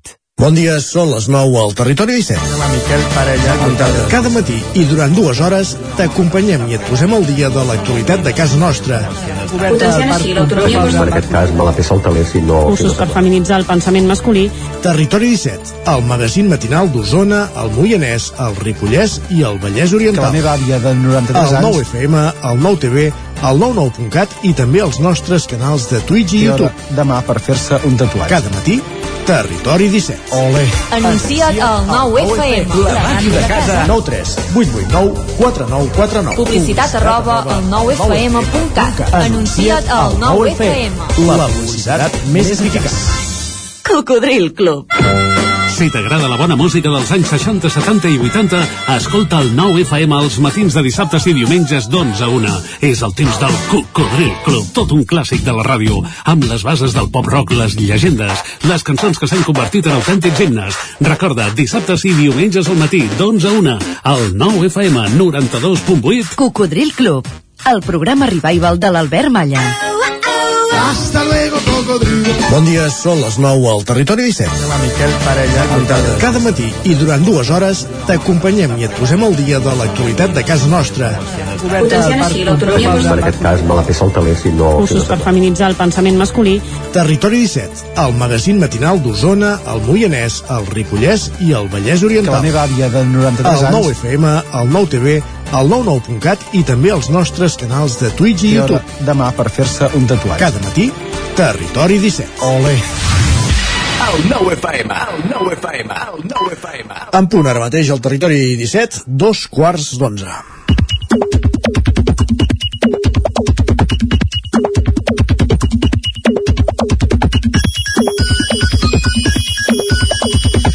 I a aquesta hora qui ens acompanya cada dia al Territori 17, si més no aquest any, és en Guillem Sánchez. 100% d'efectivitat, eh, de moment, Isaac. Total, molt bé, molt bé. No hem això. fallat ni un dia Ni un del dia, 2023. Tot i que potser a vegades ens passa alguna de les coses que li passen als usuaris als quals seguim i dels quals en destaquem missatges, com Iam, per iam, exemple iam, l'Èlia, que ens diu gens de gust de viure més enllà de les quatre cantonades del meu llit. Això ens podria passar algun dia, que no en tinguéssim ganes de sortir del llit al, al matí i que ens costés una mica arribar a la feina.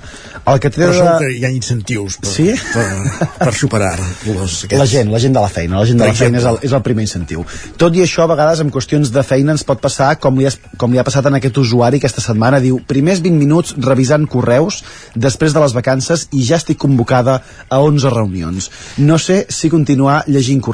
Necessito un calaix d'oficina d'aquells de les pel·lícules amb una ampolla d'alcohol amagat. Estàs insinuant que hi ha gent que la feina es dedica a convocar reunions? És possible. I d'aquestes 11 reunions a les quals deu estar convocada, potser eh, 12 són per videotrucada, per videoconferència, Esclar, sí, o, sí. o sigui, cap d'aquestes segurament eh, presencial. I són productives després aquestes reunions? Això ja no ens ho ha dit, però eh, li podem dir a l'usuari que ens digui a veure si d'aquestes 11 reunions n'ha tret alguna cosa productiva. També estaria, estaria bé saber-ho. Va, la Neus ens ha llançat avui una pregunta a l'aire també a veure si l'ajudem a entendre què està passant. Què està Diu, passant? En quin moment vaig pensar que compaginar 8 hores al dia de treball, anar al gimnàs, tenir vida social i fer un màster era una bona idea?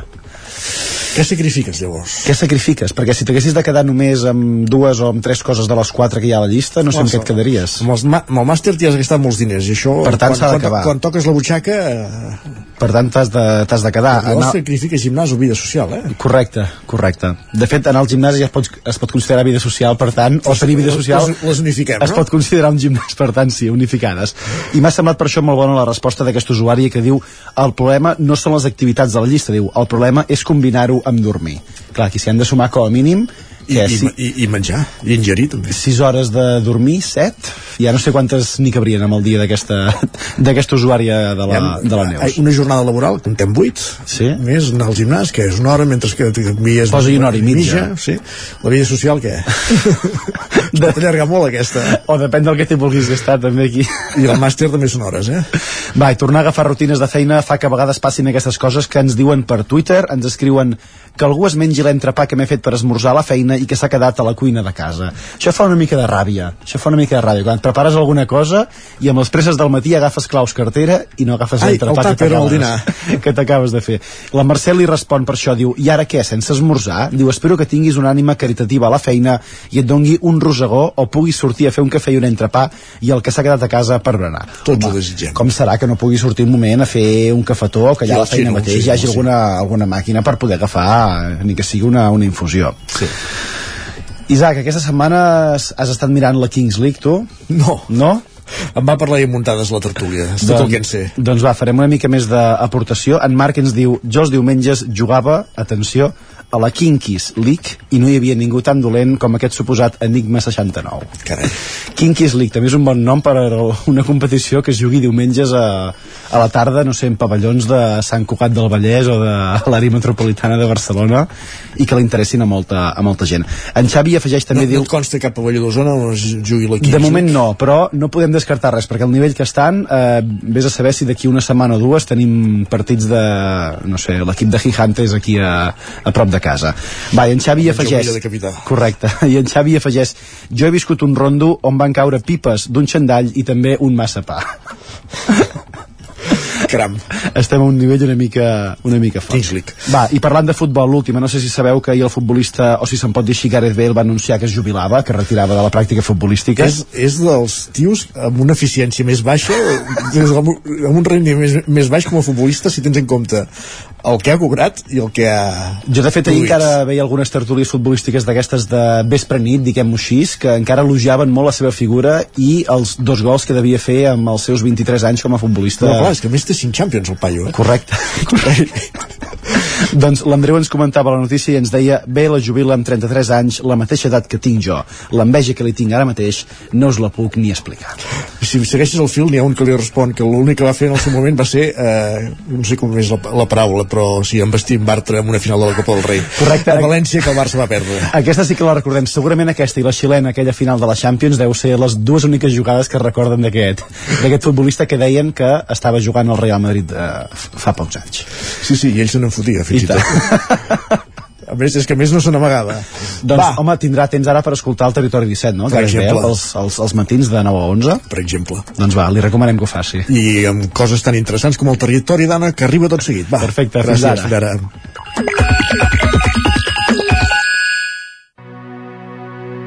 Territori 17. El 9 FM, la veu de Sant Joan, Ona Codinenca, Ràdio Cardedeu, Territori 17.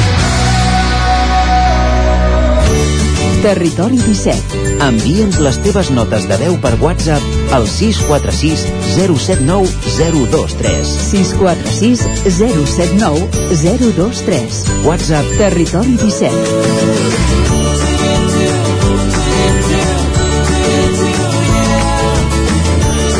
Territori 17. Som a Facebook, Twitter i Instagram amb l'usuari Territori 17.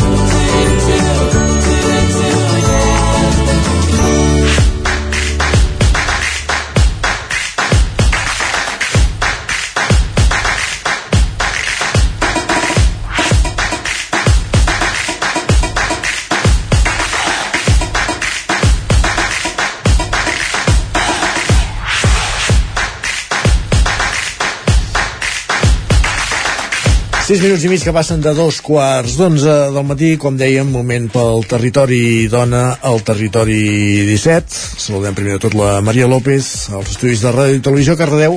Benvinguda de nou, Maria. Molt bon dia, Isaac, novament per aquí darrere el micro. Molt bé. I amb, i amb aquests timbals de fons que ja ressonen. Amb aquests timbals que ja saps que m'encanten perquè vol dir que comença, que comença un nou territori dona, un nou any i nou territori dona. Aquesta tertúlia de batalla que fem les companyes de Territori 17 i que pretén posar, assenyalar i posar el focus sobre el masclisme imperant encara a la nostra societat. I de fet comencem l'any, per desgràcia, amb una dada molt negativa i és que el mes de desembre, que tot just hem tancat, ha estat el mes amb més dones assassinades per violència de gènere en el tot en el 2022. Un total d'11 dones morien el mes passat en mans de les seves parelles o exparelles i que ens deixen un total de 49 víctimes mortals per violència de gènere al 2022. Xifra esfereïdora que no fa més que recordar-nos que encara vivim en una societat a anys llum del que voldríem per les futures generacions.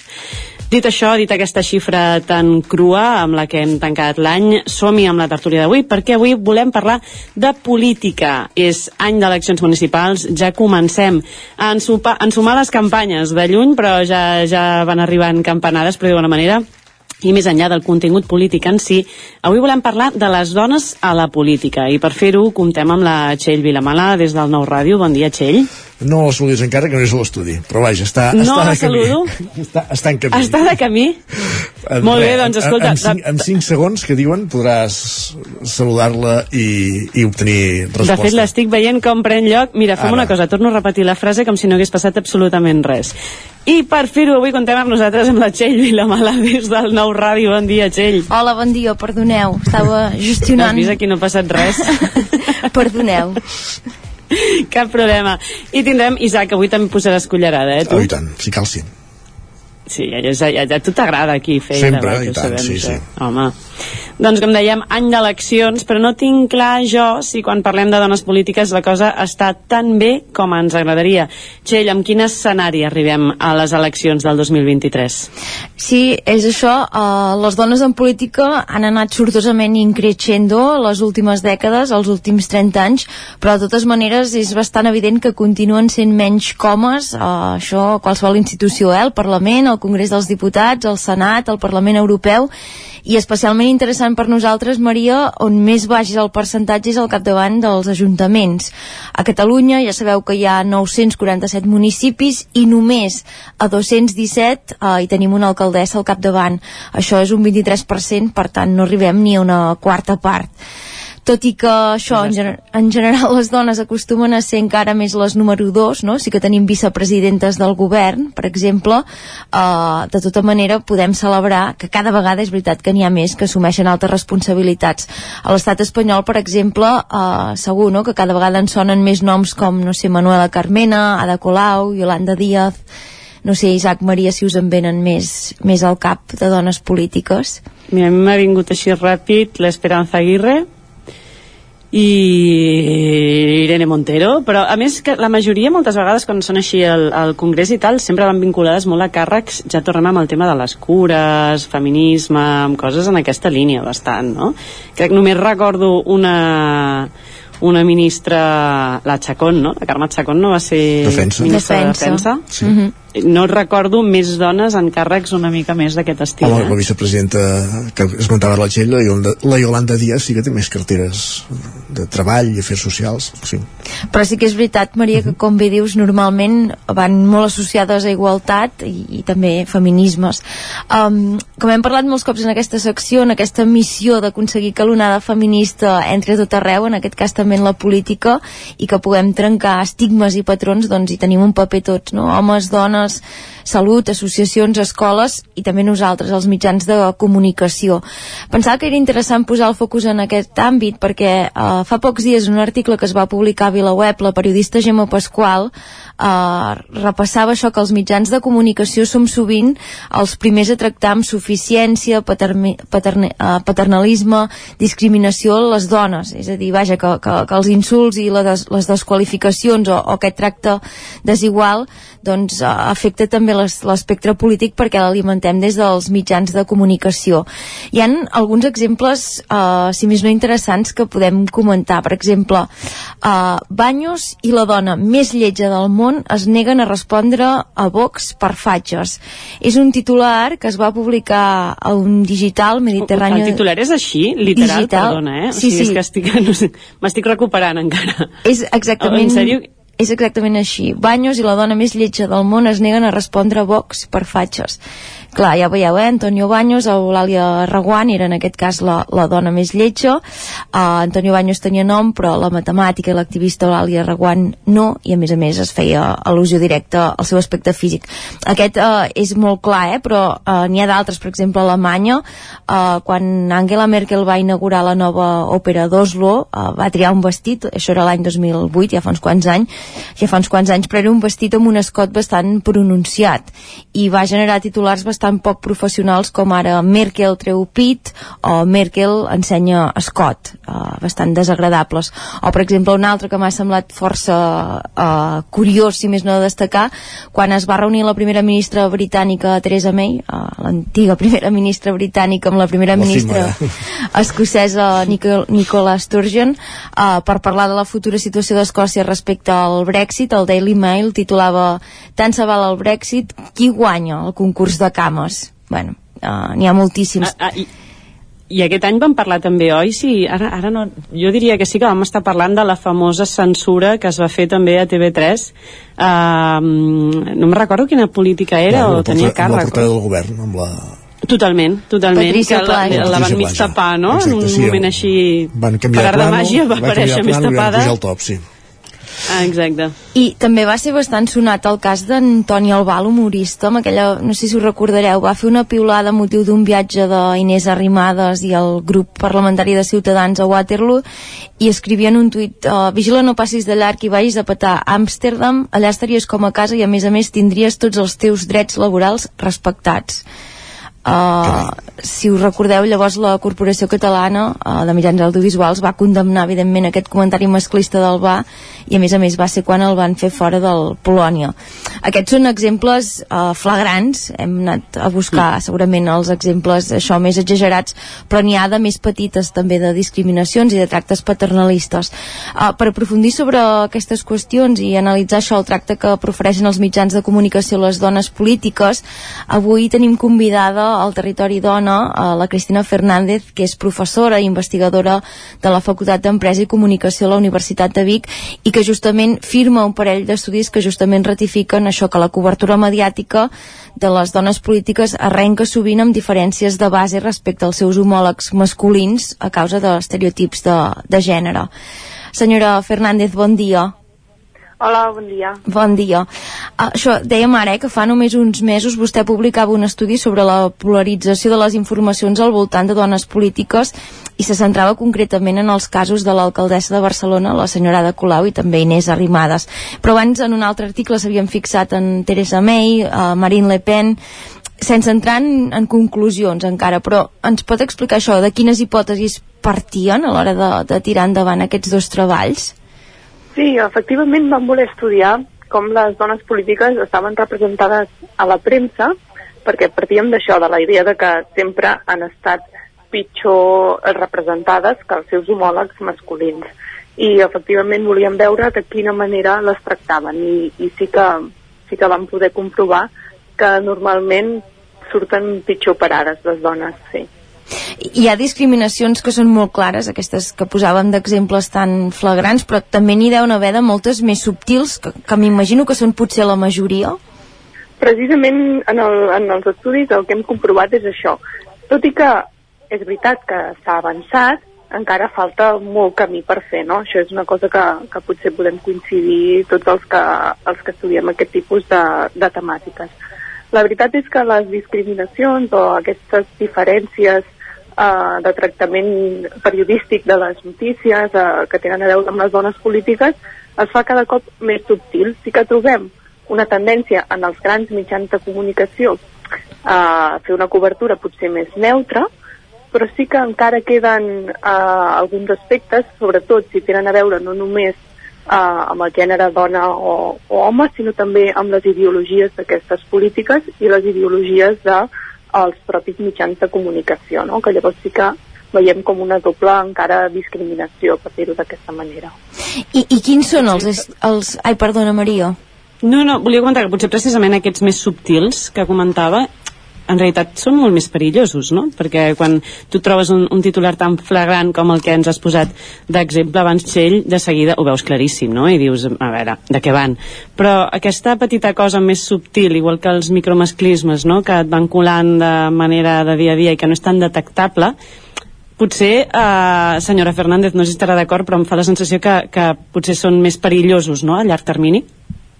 Totalment d'acord, perquè realment van calant i no són tan, no són tan visibles o potser si no t'hi fixes i no ho estudies uh, de manera detallada no, no ho veus, però sí que van calant en la societat, no? Aquesta, uh, aquesta associació uh, en termes negatius, per exemple, cap a la gestió de les dones, aquest tipus de coses que tenen a veure amb, amb, la seva, amb la seva naturalesa, no? per ser dones, no per la seva gestió o per la seva, el seu desenvolupament de la seva feina. No?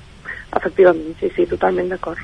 I quins són els estereotips més recurrents eh, que repliquem des dels mitjans de comunicació quan ens fixem en dones polítiques? Uh, cal dir que el nostre estudi és molt limitat, eh? I, i dins de les seves limitacions el que vam, el que vam poder observar és que normalment nosaltres el que volíem veure era si el to era positiu, negatiu o neutre, no?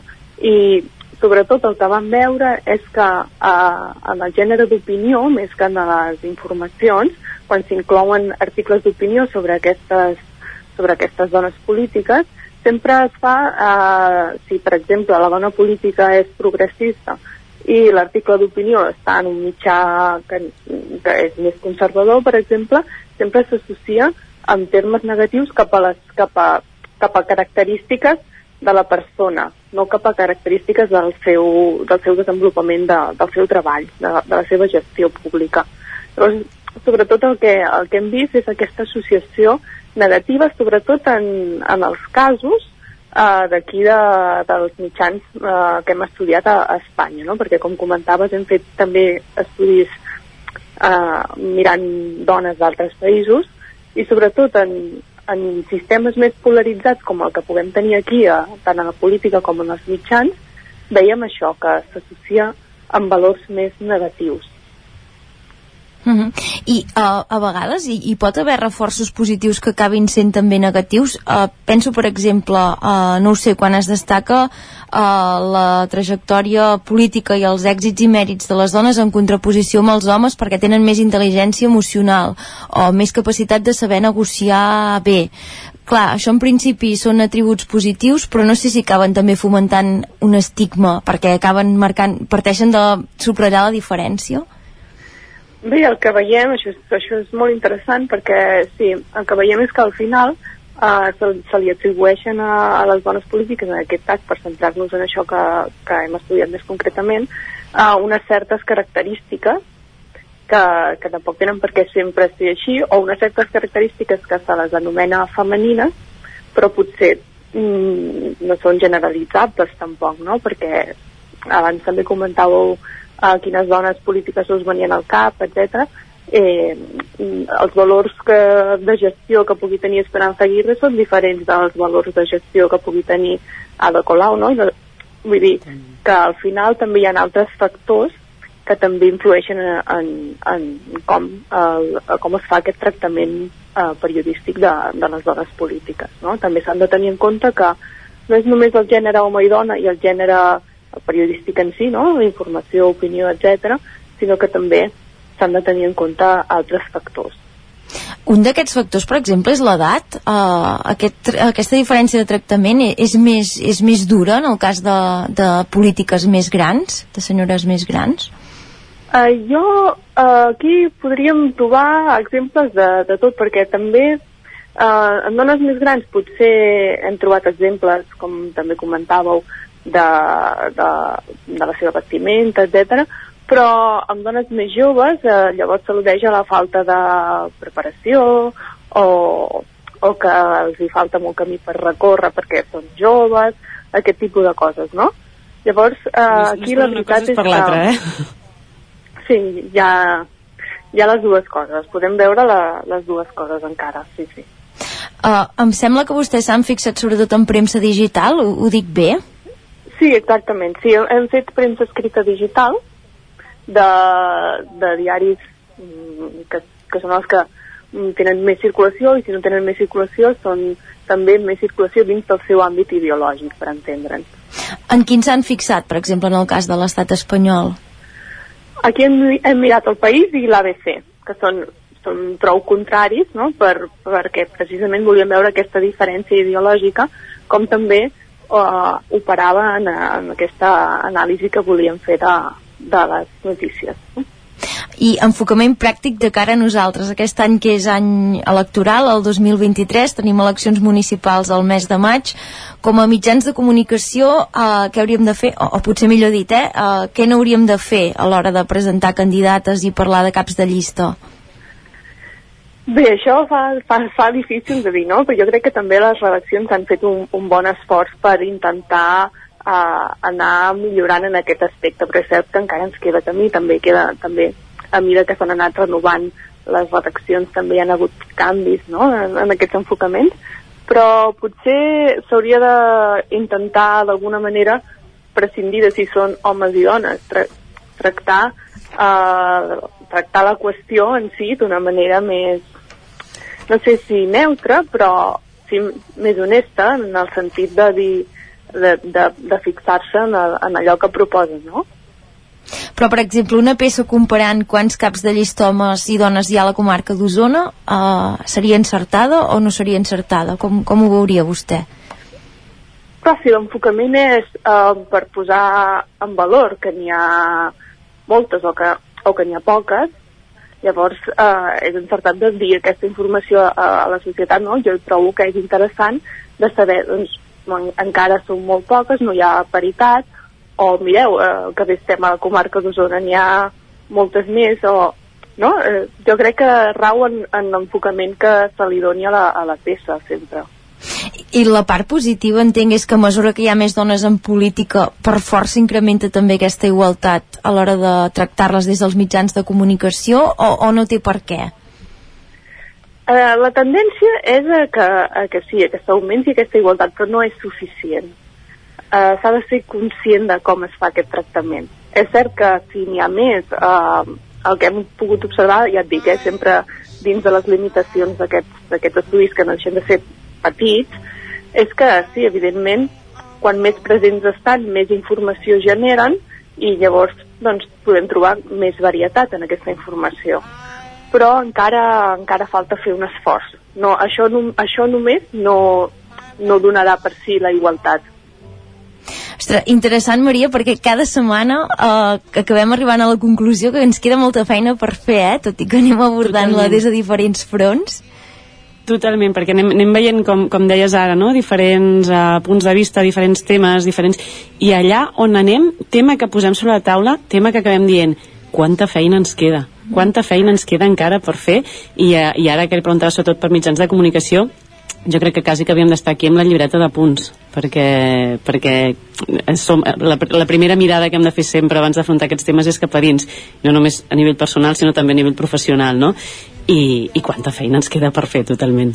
Uh, Cristina Fernández, professora investigadora de la Facultat d'Empresa i Comunicació de la UBIC uh, moltes gràcies per haver-nos acompanyat avui al Territori Dona. Gràcies a vosaltres i sí, continuarem amb la feina. Que vagi molt bé. Igualment doncs Maria, ja ho veus, consells per aquest any electoral, que ens espera molta feina, uh, ja va bé aquesta llibreta de punts. Sort que sempre podem recuperar més el territori 17 en podcast després per tornar a prendre més notes està clar que haurem de treballar molt en aquesta matèria a veure si, si nosaltres mateixes som capaces de, de fer les coses una mica millor de cara a aquestes properes eleccions. Eh, prenem apunts, prenem nota i, i ens autoavalorem també després de les eleccions a veure si hem, si hem sapigut no només si la classe política ha, ha pogut fer un canvi de mirada veurem quantes alcaldesses en resulten després del mes de maig eh, sinó nosaltres com a mitjans si hem estat a l'alçada. I avui m'acabem una proposta musical teva, oi també?